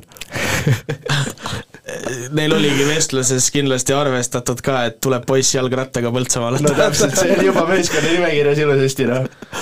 väga huvitav alguslugu, et kui tavaliselt inimesed käivad koolis õppimas selle Aga ja samas, siis kus- alus-, alustavad oma selle, siis sina ju maast madalast. jaa, aga nagu kui ta alustaski, ta ütles kolmeteistaastaselt, nagu kui palju sa tead inimesi, kes lähevad kuhugi kooli siis valgus- või helitehnikat kolmeteistaastaselt, on ju, tänapäeval on kõik võimalik. noh, täna on juba täna on juba siis ka kümnes aasta põhimõtteliselt. juubel? no kümnest aasta jah, sellel alal. no aga ühesõnaga, kuidas siis sealt kõik nagu noh, said siia mingi, mingiks olid nagu see abiline, aga siis mingi hetk, kui Kuna ma sind rohkem teadma hakkasin, siis oli see, et sa, sa olid juba see Oh, vend, kes nagu võttis neid abilisi. ja ei no see on nagu see, et siis sealt kuidagi läks, ega ma päris täpselt enam nagu ajaliselt ei oska öelda ja see oli mingisugune Jõgevamaa laulu- ja tantsupidu, kuhu ma kuidagi lihtsalt jälle läksin oma jalgrattaga ja seal Põltsamaalt Jõgevale jalgrattaga ei, ei, lauluväljakul oli siis, kui lauluväljakul oli. okei, lauluväljakul, jah. ja siis, siis ma seal õppisin kaablit kerima umbes mingi kord ja siis ma kuidagi sa hakkasin, hakkas see koolis hakkas pihta, et mulle ikkagi see ürituskorraldus ja see nagu hullult meeldis ja ma hakkasin tegema esialgu sporditeemadel seda asja, sest et oligi see, et ma olin ju võrkpallipoiss ja ma vist tegin kohtuniku paberid endale võrkpallis, kui ma olin üksteist juba, on ju see tähendab seda, et äh, siis ma hakkasingi tegema, kõigepealt olid mingid võrkpalliturniirid ja siis tulid mingid jääpallid ja korvpallid ja jalgpallid ja kõik muud asjad sinna juurde, mille kõigega ma tegelesin. ja noh, ega Sirje Ange ka mind mööda külge nagu maha ei lasknud, et ma sain ilusasti seal, seal ka hakata nagu toimetama ja möllama kogu aeg no selles mõttes on siin Põltsamaa koolis, ma arvan hästi, et kui need entusiastid või huvitunded, et siis õnneks, õnneks nagu neile antakse seda võimalust, sest et noh, tas-, tasuta tööjõud ikkagi, et jah, jah, täpselt. jah, ei antakse ja ikka antakse, eks äh, muidugi seal on ikka oma, oma osa on sellel ka, et ma olen oma võitleja, mul on oma siht, ma lähen ja siis ma saan.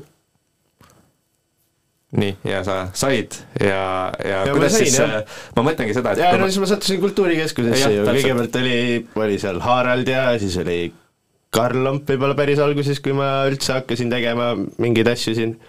Ja kui see noh, ühesõnaga ma siin toimetasin, toimetasin, see oli uuesti Harald ja toimetasin veel ja toimetasin veel, tegin igasuguseid asju kogu aeg ja, ja siis kuidagi niimoodi see asi on läinud. noh. kuna sa esimese palga üldse selle eest said, et sa käisid siin abis, abis ja kellele meeldiks kasutada vabatahtlikku tööjõudu, et kõik suuremad üritused tänapäeval juba rihivad selle vabatahtlikkuse poole, et et kuna, mäletad sa ka, kuna sa said esimese kopika nüüd selle eest, mis sa siin nagu tegid, et? Äh, ma arvan, et see võis olla siis, kui ma siit Põltsamaa suve pealt kell kuus hommikul saime pakitud ja järgmine päev oli vaja Toilas olla ja ma läksin nendega kaasa Toilasse, ma olin ise mingisugune kuusteist või viisteist nagu. ja, ja, ja siis ma läksin Toilasse kaasa, panin niisuguse korraliku neljakümnetunnise tööpäeva ja, ja siis sain palka. ja noh, eks ikka Kultuurikeskuses alguses oli kooli kõrvalt tasuta, aga, aga siis, kui nad nagu mulle esimese lepingu tegid, ma olin ka mingi kuusteist äkki, siis ma hakkasin sellest ka palka saama ühesõnaga suhteliselt varakult ikkagi, et väga hea näide sellest, et, et kui ei. sa muudad nagu enda mõtteviisi natuke ja. sellega, et nagu esimese asjana ma ei ütle, et ma tahan nagu hullult raha sellest saada, vaid sul on mingi huvi, sa natukene õpid sellest, käid seal kohapeal, on ju, ja siis äh, need kõik asjad tulevad sinna mingi hetk juurde ja siis need ei noh, tõenäoliselt nad ei pidurdugi seal, vaid sealt ongi järjest nagu trepiastme peal hakkad järjest edasi ronima. no ilmselgelt, aga kui sa teed midagi ja panustad sinna, siis üks hetk inimesed avastavad su ja sa saadki teha seda järjest paremini, järjest kõrgemini, õppida järjest juurde, on ju ja, ja kuhu sa, kuhu tänaseks juba jõudnud oled, on ju Tallinna suurtele lavadele ja, ja show dele, et aga kuidas see, kuidas see nagu vahetus tuli, et, et sa tegidki juba siin, sa käisid üle Eesti käinud tegemas üritusi, on ju, tegid siin Põltsamaal, kui me võtame nüüd selle kultuurikeskuse nagu valguse ja no üldse tehnilise nagu kvaliteedi, siis seal ikka mingisugune kõva muutus on viimase kümne aasta jooksul toimunud, et kuidas siis lõpuks see oli, et nagu Põltsamaa poiss nüüd hopsti, aa, sa käisid ju õppimas vahepeal Inglismaal veel? muidugi mm,, no Põltsamaa kultuuri kultuurikeskuseks, seal on saanud väga palju oma pitsasid nüüd ja igasuguseid asju, mis on kõik eh, tehtud ära ja ära katsetatud ja teada saadud, ka esimesed investeeringud ja mingid niisugused suuremad asjad, mis on, et nagu täna enam ei teeks neid investeeringuid, mis siin kunagi sai tehtud, aga, aga, aga, aga sellegipoolest need vitsad on saadud, see ei tähenda seda, et need oleks halvad olnud, lihtsalt täna teeks teistmoodi. noh, ilmselgelt ajas uute teadmistega teed asju teistmoodi, on ju ja see oligi, gümnaasium sai läbi ja oli vaja ju kooli minna kuskile, ega ei saa ju niisama mees olla, on ju. aga kuidas see kooli valimine oli, et kuidas jah, kooli valimine, kooli valimine oli see, et ma otsustasin, et noh, meil Eestis ainult Viljandis õpetatakse valgustajaid, on ju, et noh, ja täpselt see on üle kahe aasta võetakse vastu, aga täpselt see aasta võeti ka, aga ma olin nagu, et mm, mm, ma küll ei lähe sinna Viljandisse kuradi teatriajalugu ja mingit niisugust asja õppima nagu et äh, see, see ei ole mulle nagu, ma tahaks ikka nagu valgust, valgusest rohkem teada ja nagu kõike seda muud, mis seal ümber on, mitte, mitte teatriajalugu või värviteooriat õppida mingi kaks aastat, vaata. siis, äh, siis oligi, et aga davai, vaatame siis, mis maailmas pakutakse. võtsin ette, ma ei tea, see oli vist Dream Foundation või, ja lõin sisse lighting disain ja üks ja ainuke kursus tuli, sinna läksin vaata, kui hästi ei ole vaja valida ka lihtsalt üks ainuke asi ja minek, et ei ole küssi.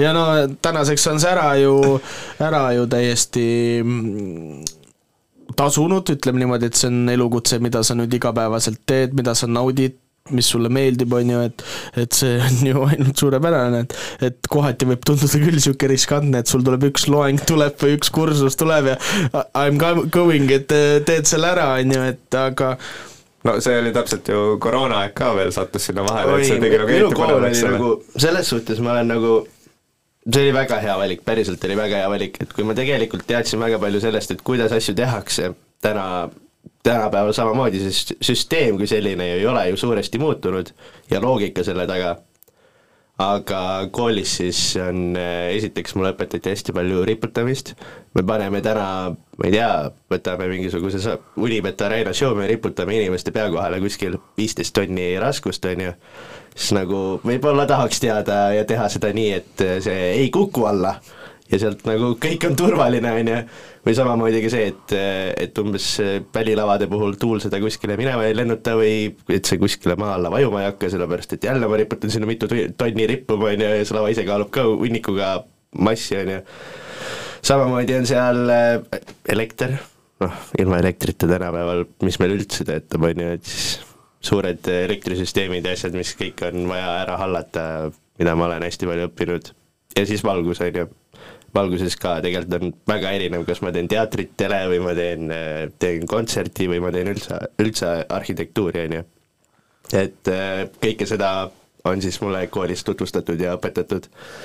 ja mida ma siis äh, päriselt kaasa võtsin, on teadmised see, et miks me neid asju nii teeme et noh, seda ma juba olin viis aastat harjutanud, See- et, me see on teeme, ainult- me teeme neid asju, aga nüüd ma tahaks teada seda ka, nüüd ma sain teada selle, et miks me neid asju nii teeme, vaata. sa oled hea, kui viis aastat oled sa teinud midagi ja lõpuks viie aasta pärast saad sa teada, miks sa neid no asju nii teed. väga õige, on ju.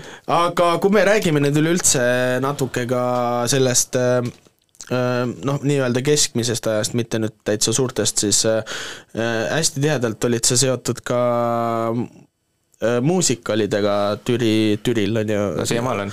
siia, siiamaani ole, siiamaani oled seotud, on ju No. et me enne uudiseid lasime ka mõne pala sealt ja, ja ma tean, et sa oled ka ühe laulu oled meile siin välja valinud, millega mi,, mi, millel on äh, sulle eraldi story rääkida, nii et ma arvan, et räägimegi selle story ära, kuulame selle laulu ära, siis me saame juba, juba liikuda ka suurematele lavalaudadele oma jutuga edasi, eks ole. ei, tegelikult muusikaliteater on ikkagi pikem teema selles suhtes, et kui pikem?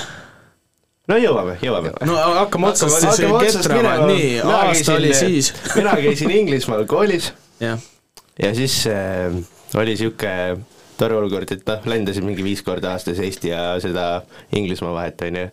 ja hakkasin kogemata Spotify'st tuli ette niisugune asi, et tegelane nagu Jaagup Tuisk. just mängis seesama, sama Ed Sheerani laul, on ju. täpselt see laul oli see, mis mind ära võlus. mina teadsin, et mina tahan olla Jaagup Tuisu valgustaja ja siis ma kirjutasin talle, et joo mees, et kuule, ma tahaks sulle valgust hullult teha, kui sul mingi projekt tuleb, aga ta nagu üldse ei vastanud mulle. Jaagup või? jah, kuradi Jaagup on ju. aga siis ma üks hetk paari kuu pärast nagu veits talkisin ja siis ma leidsin Eesti Noorte Muusikaliteatri. ja kirjutasin siis äh, Kaarlile, Kaarel Ormägi, kes teatrit on eest vedanud kui kaua aastaid juba on ju, kümme aastat vist ongi nüüd. ja ta ütles ka, et ei, ei saa, pole vaja, ei, ei, jumala eest ei. et tal on neid pakkumisi küll tulnud ja ei ole vaja ja ma olin nagu, mis mõttes, oot-oot-oot-oot-oot-oot, that's not how it works nagu. vale hea Karl. täpselt. sõitsid jalgrattaga Türile kohale, nagu ma aru saan. ei, siis ma olin juba, siis ma olin juba üheksateist, siis ma ikka läksin Autoga? Läksin autoga, läksin Atsa., läksin etendust vaatama, siis oli kaks tuhat üheksateist oli Sofia teine aasta. ja läksin lihtsalt etendusele ja vaatasin etenduse ära, meeletult võimas oli, muidugi minu etenduse vaatamine käis siis niimoodi, et nagu räigelt meeldis, kõik oli mega nagu ja siis, aga etenduse vaatamine käis niimoodi, et oh, kurat, õudne, see on nagu, nagu lihtsalt valguse poole pealt valgus oli õudne. Ma kogu aeg ohkisin, puhkisin, oli pime. keerutasin, keerutasin pead, vangutasin, olin nagu, et kurat, seda saab nii palju paremini teha, onju. ja siis eh, peale, peale etendust eh, jäin sinna ootama tükiks ajaks, sellepärast et Kaarlil olid tema head sõbrad küla, külas Kaire Vilgats ja Tangvarvaja seal etendusel, sellel samal etendusel, kes hiljem tuli välja, et istusid minu selja taga ütlesid Kaarlile, et meie ees istus mingisugune noormees, et kes ohkas kogu aeg, kes ohkis ja puhkis kogu aeg, et me ei saanudki aru, kas talle väga meeldis või talle üldse ei meeldinud. ja siis, ja siis, ja ma lõpuks sain Kaarliga jutule ja see lõppes sellega, et ma müüsin maha neile korralikuma tossumasina ja läksin järgmine päev tagasi ja õpetasin seda kasutama, sest et see ei ole nagu nii lihtne, et sa paned masina käima ja töötab ja ongi hästi, vaata. ja, ja siis peale seda järgmine muusikali, jõulumuusikal Imeloits ja, ja seal ma juba olin ja seda ma juba tegin vaata, järjekindel on ju. ta läheb sinna, ta läheb, istub publikusse ja sealt kukub ohkima. Te, te, te ei oska üldse seda asja teha ja järgmine Aga- järgmine moment on ta juba ise on aga ongi vaata, et ta lihtsalt nagu ei ole see inimene, kes ütleb, et noh, nii kehv, vaata, et nagu ma ei tea, tehke paremini midagi, vaid ta läheb ja teeb ise paremini hoopis. Ja ta ei kus hakka- häda need leiti, seal tule heita, ega siin muud ei ole noh. tuleb koos lahendusega. muidugi. ja noh, nüüd muusikaliteatriga siis ongi, meil on ju olnud suured projektid, on, on olnud see Sofia oli neil ära, on ju, siis, siis peale seda tulid, mina tegin Imeloitsu, ma tegin äh, Libahunti, siis meil oli Lumivalgeke vahepeal.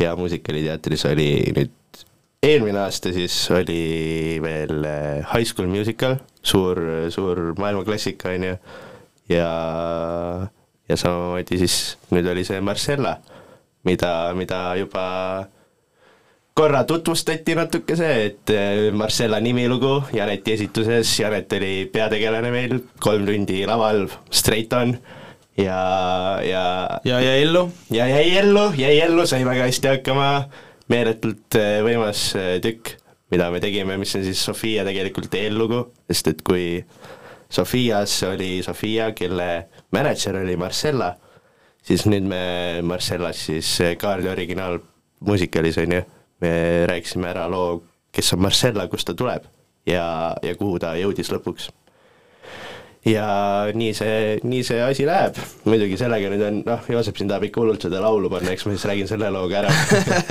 ma korra võib-olla vahele Nonii. mainin veel seda ka, et tegelikult kui me siin Joosepiga enne kultuurisündmustest rääkisime ja seda, et äh, Põltsamaa inimesed, et ärge olge ainult siin kinni, et minge käige, käige Türil ja Tartus ja Viljandis, on ju, et äh, kui te sinna kohale lähete, siis äh, noh, võite märgata Karli seal valgust tegemas, on ju, siis seekord vist oli niimoodi, et äh, helitehnik oli ka Põltsamaa oma poiss Oo jaa, oo jaa. ja, ja, ja ma võib-olla lisaksin juurde, et isegi üks, üks siis nagu esinejatest on Põltsamaa juurtega täitsa siin koolis käinud Karl teeb mulle nüüd suuri silmi, aga Anette Saar on ju no muidugi Anette Saar, muidugi ja tegelikult on ka see, et Kaia-Liisa Kesri laulu me kuulasime just eh, siis eh, tema, tema muusikavideo me tegime ka Põltsamaal koos minuga ja samamoodi tema vanaema elab Puurmanis. No vot, näete. Nii, aga, nii, aga tahad sa nüüd rääkida sellest loost või? igal juhul jaa, Ita Everile, Ita Everiga seoses andis Muusikaliteater siis oma selle Marcella ühe väga tähtsa ja murdva hetke laulu välja, kus on eh,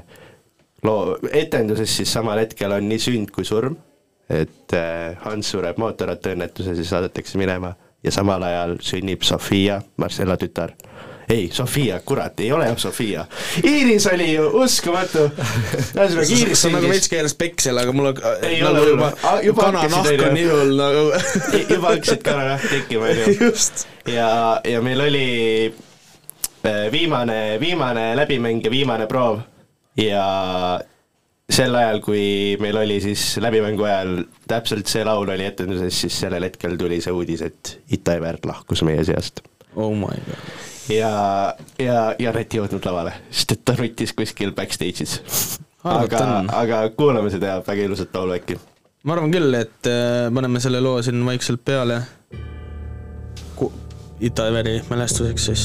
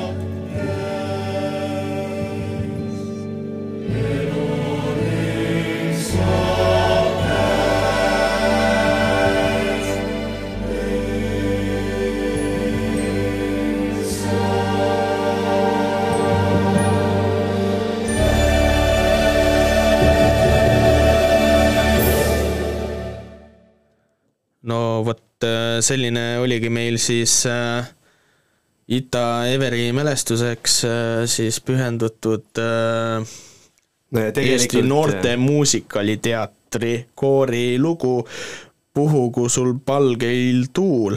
nii tegelikult äh, muusikaliteatri teema lõpuks on ka see, et muusikaliteater lõpetas ka oma tegevuse vähemalt praeguseks, nii et äh, see on ka siis kogu selle teema kokkuvõtteks. Kuidagi jah, see teema kiskus korraks noh, tuju alla, aga to-, tuleme nagu, toome selle tuju üles tagasi, tere hommikust, Põltsamaa jätkuvalt on meil hommikuprogramm, meil kell on kümme kolmkümmend, täpsustan kümme kolmkümmend üks null üks.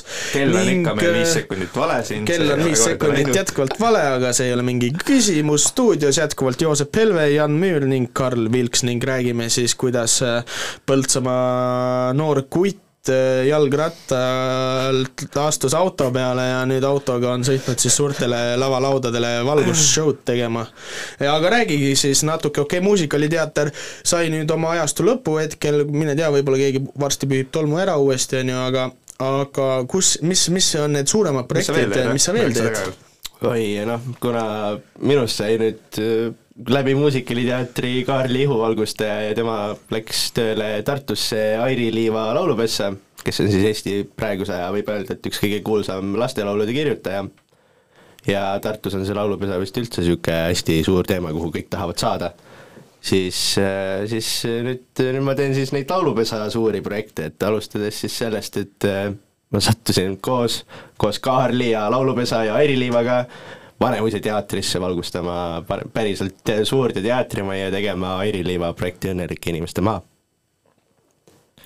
Nii, mis see Õnnelike inimeste maa, mis see endast kujutab? õnnelike inimeste maa, järjekordne muusikal, ikka, ikka muusikal, ikka muusikal, ta on lihtne muusikal, mis tegelikult oli mõeldud sellena, et esitleme Airi Liiva uut lastelaulude albumit, aga tegelikult ka see lugu ja kõik see, mida seal räägitakse, see on väga tore, et kahjuks, kes ei jõudnud vaatama, siis, siis nüüd seda enam näha ei saa, aga me tegime seda ma ei tea, kaksteist etendust vist lõpuks niimoodi, et kogu aeg oli saalis ikkagi täissaalid sest nende etendustega ongi tegelikult see, et kui, kui midagi sellist on, siis ei tasu, ei tasu võib-olla väga palju lootma jääda selle peale, et oh, äkki üks hetk tuleb uuesti, vaid siis lähen, et kui nagu võimalus on ja midagi silma jääb, et siis tasub nagu kohe ära käia, sest sa kunagi ei tea, kas seda üldse tehakse uuesti või no muidugi, no muidugi. ja siis noh, peale seda nüüd järgmine suur projekt, aastakene läks mööda ja ega siis Airi Liival hakkasid nüüd ideed genereeruma ja siis, et no ma mõtlesin, hakkas see valgus meeldima, mis sa, mis sa tegid talle nii usinalt. hakkas ka meeldima, et tõenäoliselt ega ta muidu mind ei raitsiks võtta, ma arvan, aga, aga tuli kuidagi kuskilt sulest tuli, et Airi ütles, et Kaarlile, et kuule, aga teeme Eurovisiooni laulude kontserti. ja siis Kaarel ütles, et ei, me ei tee laulude kontserti, me teeme Eurovisiooni sellisel juhul. noh, nüüd oligi siis, sügisel oli, oli ilusasti meil suur Eurovisiooni show äh,, ERMis on ju äh,, septembris ja saab tulla uuesti vaatama ka aprillis et tulevad kordusetendused. no vot, Joosep, sinna me lähme. Lähme tasub tulla, tasub tulla. esinema saab tulla või? esinema tulla ja ma tõmbaks seda tša-tša-tšad esinema ei saa tulla. ei saa aga... või? mis diskrimineerimine see on, Eurovisioon United Music või mis see reklaamloosung on? United with Music ja, ja sa pead olema selleks laulupesa õpilane aa, laulupesa õpilane? samm sammuhaaval, ega see, sa ei saa kohe niimoodi lavale minna okay.. muidugi, muidugi, muidugi, sa pead kõigepealt õppima laulma ikka. Väga äge. igal juhul jaa, ja siis mida ma nüüd veel teen, on see, et me teeme tööd hästi palju teles, ma töötan Tallinnas koos Google abiga ja enda ettevõttes ja, ja me teeme hästi palju projekte teles, me teeme, ma olen, mul tuleb see aasta nüüd kolmas Eesti Laul, mitte see aasta, vaid noh, nüüd kohe aasta vahetub, on ju, aga järgmine aasta siis tuleb minu kolmas Eesti Laul, siis äh, ma ei tea, täna võiks öelda, et minu kõige suurem saade on viisteist küsimust, mis on argipäevaselt eetris, on ju, praegu vist on küll jõulupuhkus neil. aga see seal on ka räige, räige valgus ikka ma ei tea, mitu saadet Tiina siiamaani võitnud on, mida te näinud olete? sul on hea, sul on, ma arvan, seal valguspuldil on juba Tiina peale kirjutatud, lihtsalt Tiina valguspott, vaata seda ei pea programmeerima enam. just, et sul on see paigas, et jaa, enam-vähem, enam-vähem nii on ja Tiina, Tiina, jah, Tiina vist praegult oli uudistes, et on kakskümmend saadet võitnud vaadanud või? aa, võib-olla küll. ma isegi ei tea, ma ei ole okay. vaadanud seda saadet aga, aga ma arvan, et äh, ma ei või seda öelda. kas Tiina jätkuvalt on saates või Vaadake Kanal kahest või- vaadake Kanal kahest, täpselt, ega muidu teada ei saanud. ära igaks juhuks ütle ja mine tea, kes meid siia kuulama satub. ja ma mõtlen ka, et pärast tehakse trahvi veel. jah, siis läheb see kalliks, see Põltsamaa raadio hommikuprogrammis külas käimine. Aga tegelikult uskumatult äge on mõelda, et äh, kuskilt Kesk-Eesti linnast, Põltsamaa, noh, Põltsamaa väiksest linnast äh, inimene ise nagu töötab ennast üles suurtele lau-, lavalaudadele, et kui noh, muidu inim-, öeldakse, et inimesed on kuulsad sellepärast, et äh, nad on ise seal lava peal, aga aga tihtipeale ei märgatagi neid osapooli, kes need inimesed kuulsaks teeb oma valgusshow'ga ja hea heliga, eks ole. inimesi seal näha ei oleks muidu ju. ei no täpselt, et kui sind ei oleks, siis tõenäoliselt me korra peaks tuled kustu, siis oleks pime. siis oleks pime. siis ei oleks mingit Eurovisiooni no täpselt, ei oleks, ei oleks mitte midagi. et äh, äh, kelle, kellel ikka kelle- nagu raadios. Mis asja? oleks kuuldemäng nagu raadios. no tõenäoliselt mis tõenäoliselt äh, ikka olekski, aga aga ma, ma lihtsalt tahtsin nagu ära mainida selle, et äh, noh, näed, nüüd läkski mõte juba nagu sinna kaduma ära, et et sa ise nagu, nagu sa rääkisid, jalgrattaga tuled lossihoovi, on ju, ja nüüd sa teed siis Eesti Laulu. saad aru, kus see nagu kasv ja küm-, palju, palju sa oled, kümme aastat on ju teinud? no nüüd on kümnes aasta kümnes jookseb, aasta jookseb, on ju, kümne Jah. aastaga, kuhu, kuhu on võimalik jõuda ja ta ei ole veel nii vana kui Justamäe. ta ei ole nii vana, ta on noor inimene veel tõesti ja, ja täpselt. eile sai käinud Ingat ja Toomast ka vaatamas, nii et sa olid seal ukse taga, kultuur, kultuur, kultuurimaa ukse taga, nii et sa ei saa öelda, et sa vana oled ka seetõttu, et sa neid kuulamas käisid. nii, Ingar Toomas, Ingar Toomas on t- väga head, väga head. On küll, pigem pigem kuulan neid kui mingisugust elektroonilist muusikat. Drum and bassi aga, aga kontserdil tege- käimisega tõesti on see, et äh, ma käin tööl kontserditel, see tähendab seda, et ma, ma niisama sinna, niisama sinna ikka hea meelega ei lähe ka no., sest et vahepeal tuleks teha, elada muud elu ka peale töötamise. Arvad või? ma ei tea, oled sa ikka kindel? tundub mõistlik tegevus vahepeal. aga tegelikult see valgus, kui inimesed mõtlevad, ah mis see valgustehnika on, et äh, ke- keerutab see leebleid ja programm teeb kõik valgus ise, siis tegelikult see nii ei ole. et räägi nüüd see tööprotsess ära näiteks äh, raadiokuulajale, et kuidas üldse nagu üks valgusshow saab toimuda, et, et äh, step one, et mis on see esimene asi, mis sa teed, esimene asi on projekt, eks ole. no alustame siis ikkagi algusest, kõigepealt tuleb tellimus, on ju. no nii, kõigepealt tuleb raha. ja siis ei, ei tule raha, tuleb tellimus. tellimus. ja siis sa hakkad uurima kliendi käest, et oi, mis tal küll saada tahab ja mis ta teeb ja mis ta mõtted on ja siis sa mõtled välja mingisuguse kujunduse, mingisuguse visiooni, tekitad endale sellest kõigest silmade ette, on ju, mis minu puhul on nagu väga lihtne, sest ma panen silm, paned muusika mängima, mul hakkavad silmade ees valguspildid jooksma, on ju. Aga mm,. oled sa arsti juures käinud muidu? ei ole, see ongi väga okei, okei. äkki, äkki need on need, kus silmad kinni paned, vaata siis tulevad need äh, nagu siuksed täpid on ju. mulle, mulle tuli räigelt, tuli üks lastelaul meelde, see kui ma õhtul silmad sulen, soovin teil head ööd. täiesti lambist hakkas peas lihtsalt käima vot, vot ja siis, siis äh, sa mõtled selle visiooni välja ja siis sa võtad ette arvuti ja Jah. sul on seal niisugune 3D programm, joonistad selle 3D-s valmis ja ja siis olenevalt ürituse suurusest ja massiivist, siis kas sa teed sellest tööjoonised ja lähed, paned selle püsti ja teed ära või või siis äh, teed ka näiteks programmeerimist kodus, et kui me täna võtame timecode'is show ehk siis noh, mina valgustajana ürituse aeg otseselt valgust ei tee, vaid ma lükkan selle ühe nupu peale ja siis nagu paned muusika käima ja kell hakkab jooksma ja ise tuleb, vaata mm. -hmm. siis see tähendab eeltööna seda, et eh, üks minut muusikat, ma istun tund aega puldi taga ja programmeerin ühte minutit. ja tavaliselt, mis ma tähele olen pannud, kuna ma olen paar projekti ka Karliga koos teinud, ongi seesama, et noh, kui kõik teised asjad panevad oma asjad püsti ära, on ju, võib-olla mingid prooviesinemised, asjad on olnud, on ju, et noh, lähme siis koju magame ja hommikul tuleme, teeme edasi, on ju, siis äh, valgustehnika on see vend, kes siis äh, istub seal lõpus maha, on ju, ja temal on äh, mingi visuaal on olemas ja ta hakkabki siis seda ühte minutit seal tunni kaupa tegema niimoodi, et see võib ka minna seal äh, kaheksa, üheksa, kümme tundi, et sa hommikul lähed, vaatad, et äh, hakkab poole peale jõudma vahepeal. ühesõnaga, ühesõnaga, kui Eesti Laul on varsti tulemas, on ju, et siis no õnneks ma seal ei ole puldis, nii et ma ei muretse selle pärast. ei ma mõtlengi, et kas sa juba programmeerid. Ma küll ei programmeeri, õnneks ma ei ole seal puldis selles suhtes, aga ma vastutan tõenäoliselt kogu süsteemi eest seal, ehk siis selle eest, et kõik seadmed eh, Töötaksid. töötaksid, jah, et neil oleks signaal, neil oleks vool, et nad alla ei kukuks.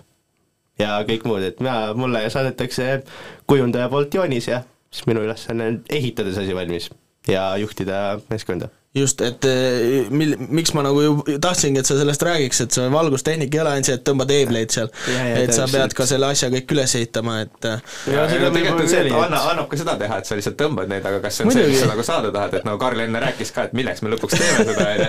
et noh, see alati annab ju lihtsalt mingit nuppu vajutada ja see tuli ikka läheb kustu ja põlema uuesti, ei onju, no aga see ei ole on nagu päris see kui sa valguspuldi võtad ette, siis äh, mitte ükski nupp mitte midagi ei tee põhimõtteliselt, nii et äh, vähemalt valgustite juhtimisel ilmselgelt programmeerimisnupud ikka programmeerivad, aga point on selles, no et spotte saad ikka peale panna, vaata. ei no point on selles, et lamp ei hakka sul tööle niisama juba, et juba, juba Oleneb- oleneb- mulle meeldis, et Joosep on siin teemasse jõudnud, et spotid ja Spotid blinder juba. ei no ma olen ka ju Pajusi teatri aegadel, Pajusi teatri aegadel ma ju tegin ka osadele lavastustele tegin valgust, on ju. Aga seal olid need valgus, need oli, ei olnud mingi programmeeritavad. Ja kuue, kuue lambiga saab ikka. just, et, et eh, siis ma tean, et mis asi on spot, on ju, et pane spot siia, on ju. Ma panen, on ju. jaa, muidugi. ei, tegelikult et on mingi kogemus on olemas, et ei ole täitsa umba-lumba. see ongi see, et see valgus ei ole nagu päriselt ka nii lihtne, et pane tuli põlema ja kärab ole. kui sa tahad ikkagi teha head asja, siis sa, sul peab olema see visioon. me Sa pead räägime, spetsialist olema. me räägime, ei pea tegelikult, sul peab olema, sul peab olema lihtsalt taju. Ja täna on nagu valgustaja, vähemalt Eestis on see inimene, kes ka väga tihti kujundab terve lava, ehk siis eh, valgustaja töö alla kuulub ka näiteks see, et et milline see lava üldiselt välja näeb, on ju, et kas seal on punane taust või seal on sinine taust, on ju, kangana, või siis seal on mingisugune LED-ekraan, samamoodi on see, et äh, valgustaja tavaliselt paneb kokku terviku, et kui videomees teeb sellele laulule mingisuguse video sinna taustale ära, on ju, siis valgustaja on see, kes selle lõpuks teeb tervikuks, see tähendab seda, et valgustaja vaatab seda videot ja selle järgi võtab näiteks mingid värviskeemid ja asjad kaasa, et see oleks ühtne ja tervik ja võimas, on ju et, et see valgustaja, valgustaja amet ei ole nagu see, et lähed üritusele ja vajutad nuppu. vaid seal on ikkagi väga palju ka seda taju ja kontseptsiooni ja igasugust muud asja, mis kõik sinna juurde käib nagu aga Karl, kui, kui meid kuulab praegu mõni noor inimene, kolmeteistaastane kes, kes tahab see oli kiire vastus, ära tule töövarjupäevale. kes tahab nagu hakata, et mis sa, mis sa julged soovitada, et noh, sinu puhul töötas see lossijoovi variant, on ju, et sa käisid siin, aga noh, nüüd need üritus ikka hakkab toimuma ka uuesti siin, on ju, aga just näiteks koolis, on ju, et kuidas, kuidas sinna siis ukse taha murda, sinna helitehnika ruumi ja saada nende inimestega kokku, et mis piisab ainult jälle minu sellest, arust, mina, mina olen aru saanud, et teist inimestest on igal pool puudus nagu eriti koolimajades, et äh, mitte keegi, ma ei, ma ei tea veel kedagi, keda oleks nagu ukse taha jäetud, et kui sa korra lähed ja näitad huvi, siis sind võetakse. aga miks see on nii sinu arust? miks ei ole koolimajades piisavalt neid helivalgustehnikuid? Või noh, just neid noori, kes näiteks just. tahaksid seda, sest tegelikult on ju see väga hea valdkond ka tuleviku jaoks, kui sa, kui sa hea kümne aastaga, jõuad Eesti Laulule, siis eh, noh, ma ütleks, et päris no tegelikult jõuab kiiremini, ma olin lihtsalt äh, natuke noor, kui ma alustasin. Ta oli noor ja- see tõmbab oma pidurit, vaata. ta oli noor ja jalgrattaga lihtsalt. jah, täpselt, siis sellega, see, see nagu tõmbab veits pidurit nagu arengukiirusel, aga aga ega ma ei teagi, eks äh, see oleneb väga palju sellest, et äh, miks need, millega see noor üldse tahab tegeleda nagu, et see tehnika teema tõenäoliselt on mingil määral huvitav, aga samas ta on ka väga, väga raske ja keeruline selles suhtes, et ma teen ju kaheksateist, kuueteisttunniseid tööpäevasid pidevalt ja see ei ole nagu minu jaoks mingisugune eriline, sest ma olen harjunud, on ju. aga kui keegi tuleb, keegi tuleb väljastpoolt, siis ta vaatab, et oh my god, sa paned kuradi seitse päeva nädalas kuusteist tundi nagu, et mis toimub, ma olen nagu, et ma ei tea, minu jaoks nagu sihuke veits nagu tavaline nädal, okei okay,, ma harjumuste küsimus ilmselgelt, ilmselgelt ma olen nagu mega väsinud, aga see ei tähenda seda, et nagu üritus jääks ürituseks peaks jääma tulemata, on ju, et kui ma olen endale võtnud, siis ma teen ja ma saan hakkama ja nii ongi. Et äh, üldse need tehnikud on niisugused omaette, omaette kontingent, et äh, tegelikult on need äh, perekonnad ettevõtetes on nagu väga toredad ja mõnusad, et kui sa leiad oma selle perekonnaga ülesse, siis on nagu, siis on nagu hea tööd teha aga nüüd, kui siin äh, kell on juba saanud kümme nelikümmend neli ja viiskümmend kuus minutit, sekundit, et varsti peame hakkama otsi kokku tõmbama äh, siin hommikuprogrammiga, eks ole, aga tahaks kindlasti rääkida ka tulla Põltsamaale tagasi, et me läksime nüüd sinna Tallinnasse korraks ära, on ju, et Oh, muidugi., tuleme nüüd Põltsamaale tagasi oma jutuga. nimelt ju te mõlemad äh, ja loodetavasti ka mina, kui ma Janni MTÜ-sse saan lõpuks. Kui sa saad. just, et. Ma- mina olen ka seal MTÜ-s. ma tean, selles ma mõttes on eile huvitav lugu, et äh, tegelikult meil on üks MTÜ, millega me Põltsamaal oleme üritusi teinud, MTÜ Aktiivne Põltsamaa ja sellega on tehtud nii siis äh, playback show'd kui Vilistlaste lahingut kui suvekohvikut ja selle juhatuse liikmeteks on juhuse kokkusattumusel siis täna mina, Karel ja Marko, kes Jah. kõik on siin raadios käinud. ja ma tunnen ennast täiega eraldi jäetuna praegu. ta on lihtsalt kade. ma olen täiega kade ja ma tahaks ka pu- kuuluda, eks ole. tahaks ka kuuluda, on ju. ühesõnaga, aga räägiks siis sellest ähm, jah, projektist, mis on välja kujunenud tegelikult ja mis on väga populaarne ka publiku seas, väga, väga, väga palju rahvast on vaatamas käinud, et an- annan sõna teile. las Karl võib-olla alustab, sest et Karl mina mina hüppasin selle rongi peale, kui see juba sõitis ja jaamast oli väljas, aga ma tean, et Karl on selle, see kunagi varem küll toimus, aga Karl on siis selle tema ostis selle veduri. taaskäivitamise taga. mm. -hmm. Playback show jah? jah, täpselt nii. jah. ei, ei, ei, see ei ole see show. aga no Playback show oli siuke tore asi, et mina jälle seal koolimajas tegin oma spordiüritusi ja Sirjangega tegin ka neid üritusi ja siis mul üks hetk oli nagu see, et aga kurat, siin koolimajas ei ole ju mitte midagi ju.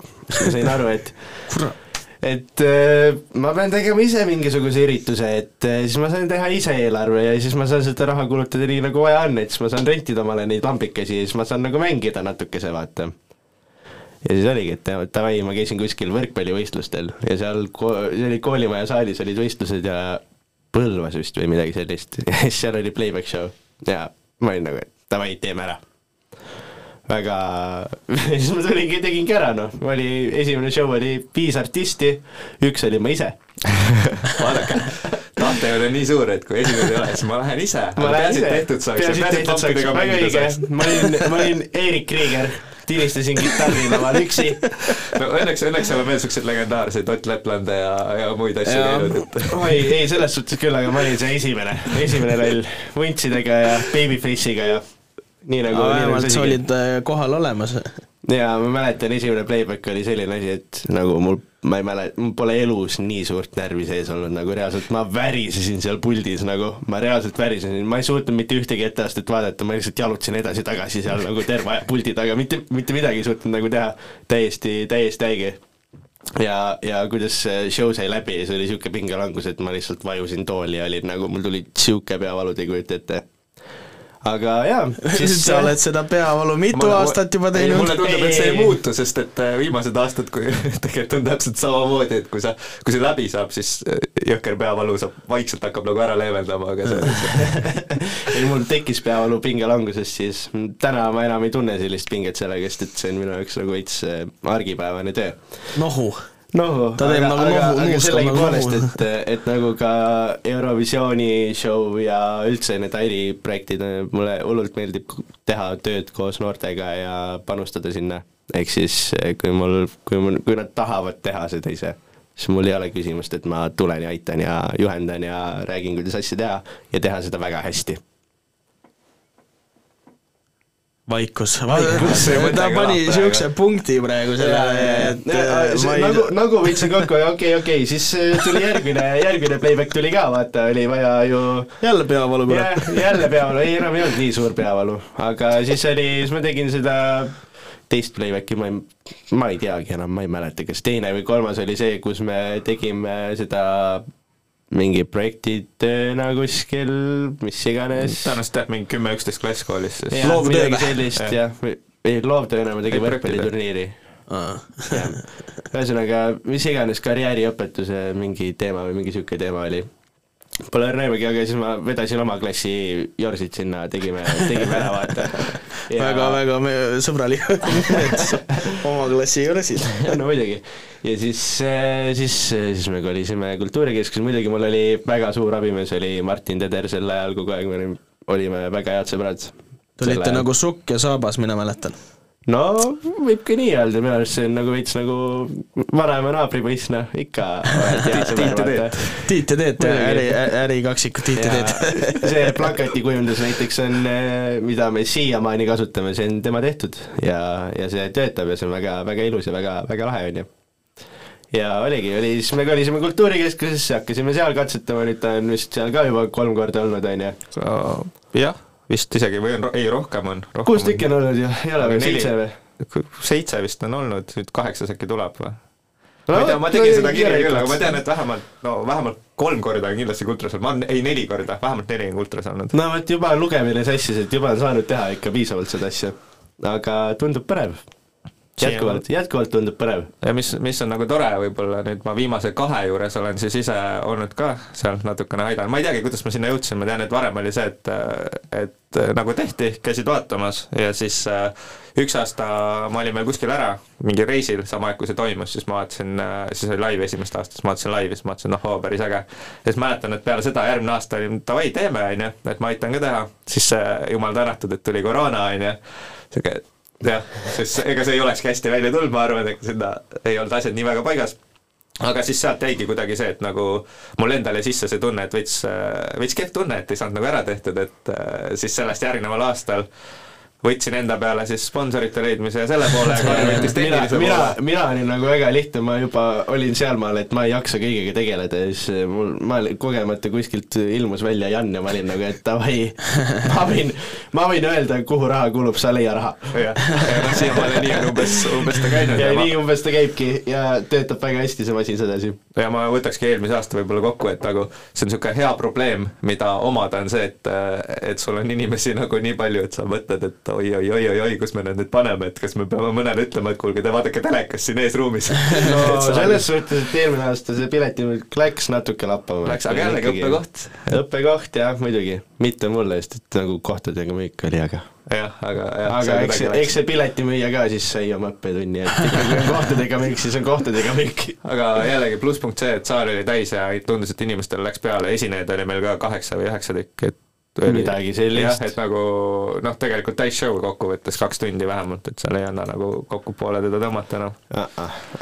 mitte kuidagi ja muidugi meil on tekkinud ka väga head koostööpartnerid, muidugi noh, sama see ülekande ja videomeeskond OM filmistuudiost on ju, kes tuli mulle ka jälle, sattusin Muusikaliteatrisse, leidsin, nüüd me teeme igasuguseid asju koos, väga, väga võimas on ju ja mis on nagu show tegelikult väga kriitiline osa ka täna, et kui, kui neid ei ole ja nad oma panust ei anna, siis siis me ei saaks nagu seda kontseptsiooni kasutada, et meil on Täpselt. erinevad ruumid ja, ja, ja ja samamoodi ka see, et me saame täna teha seda teleproduktsiooni tasemel ja teleproduktsiooni hooga, sellepärast et televaatajal kodus ei ole aplausi hetke, temal hakkab igav, meil läheb show edasi.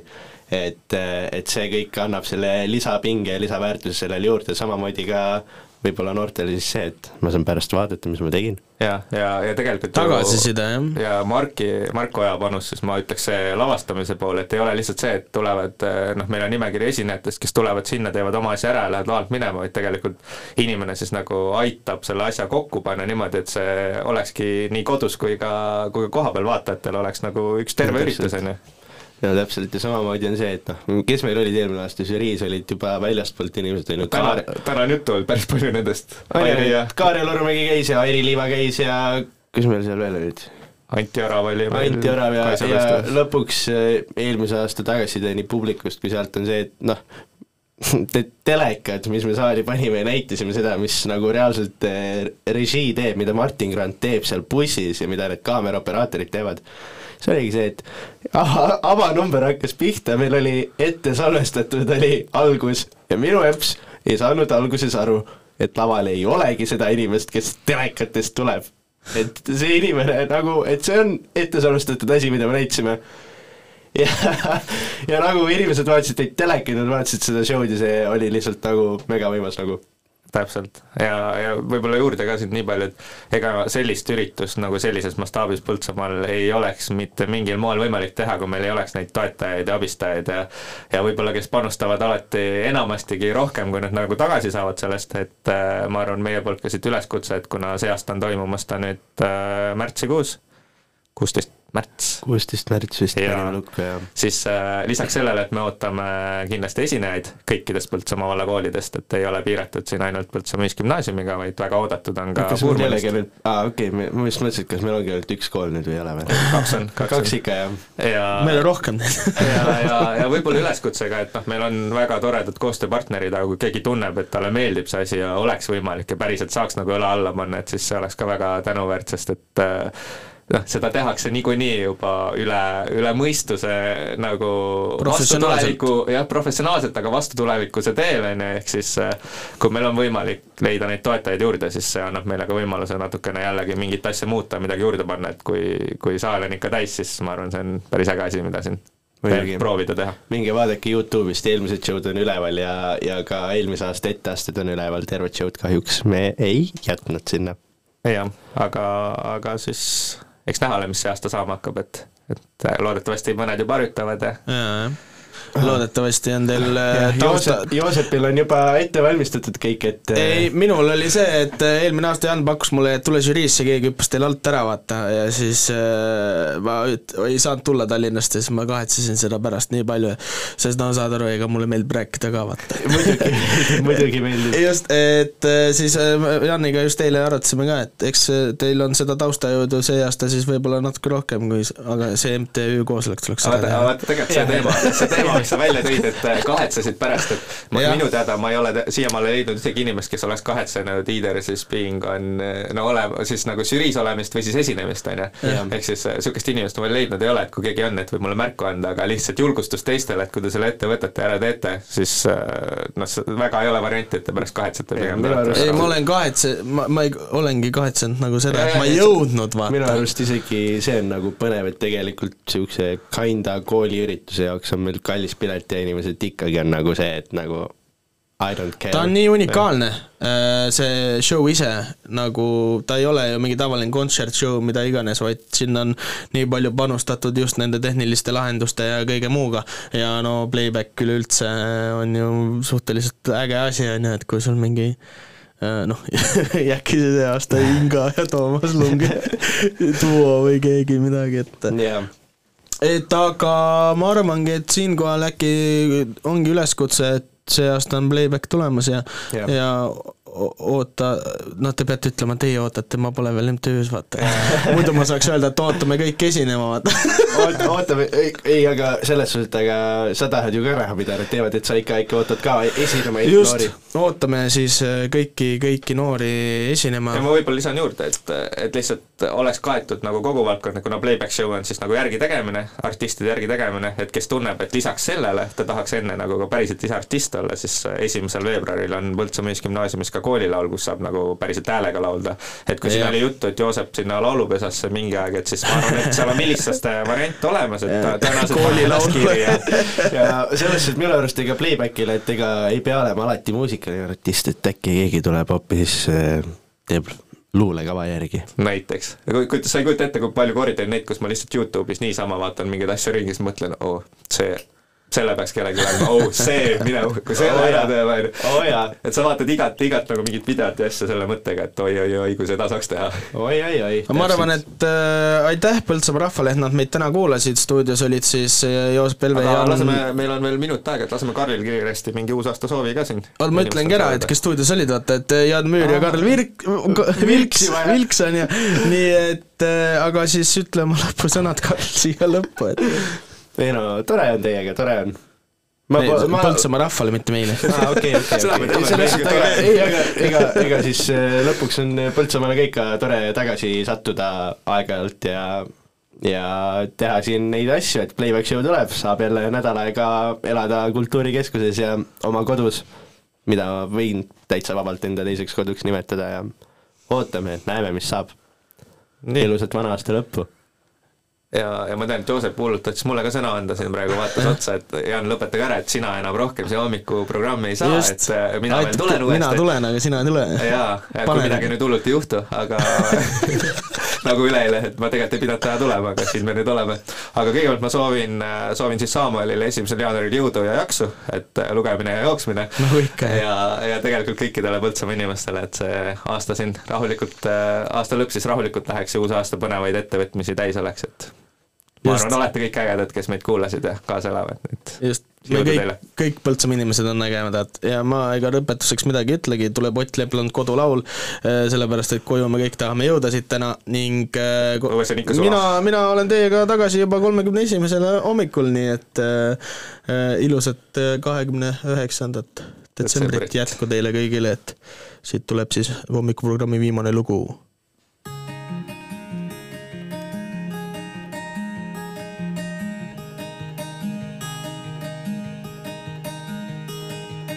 hommik taas kastab nüüd kuivanud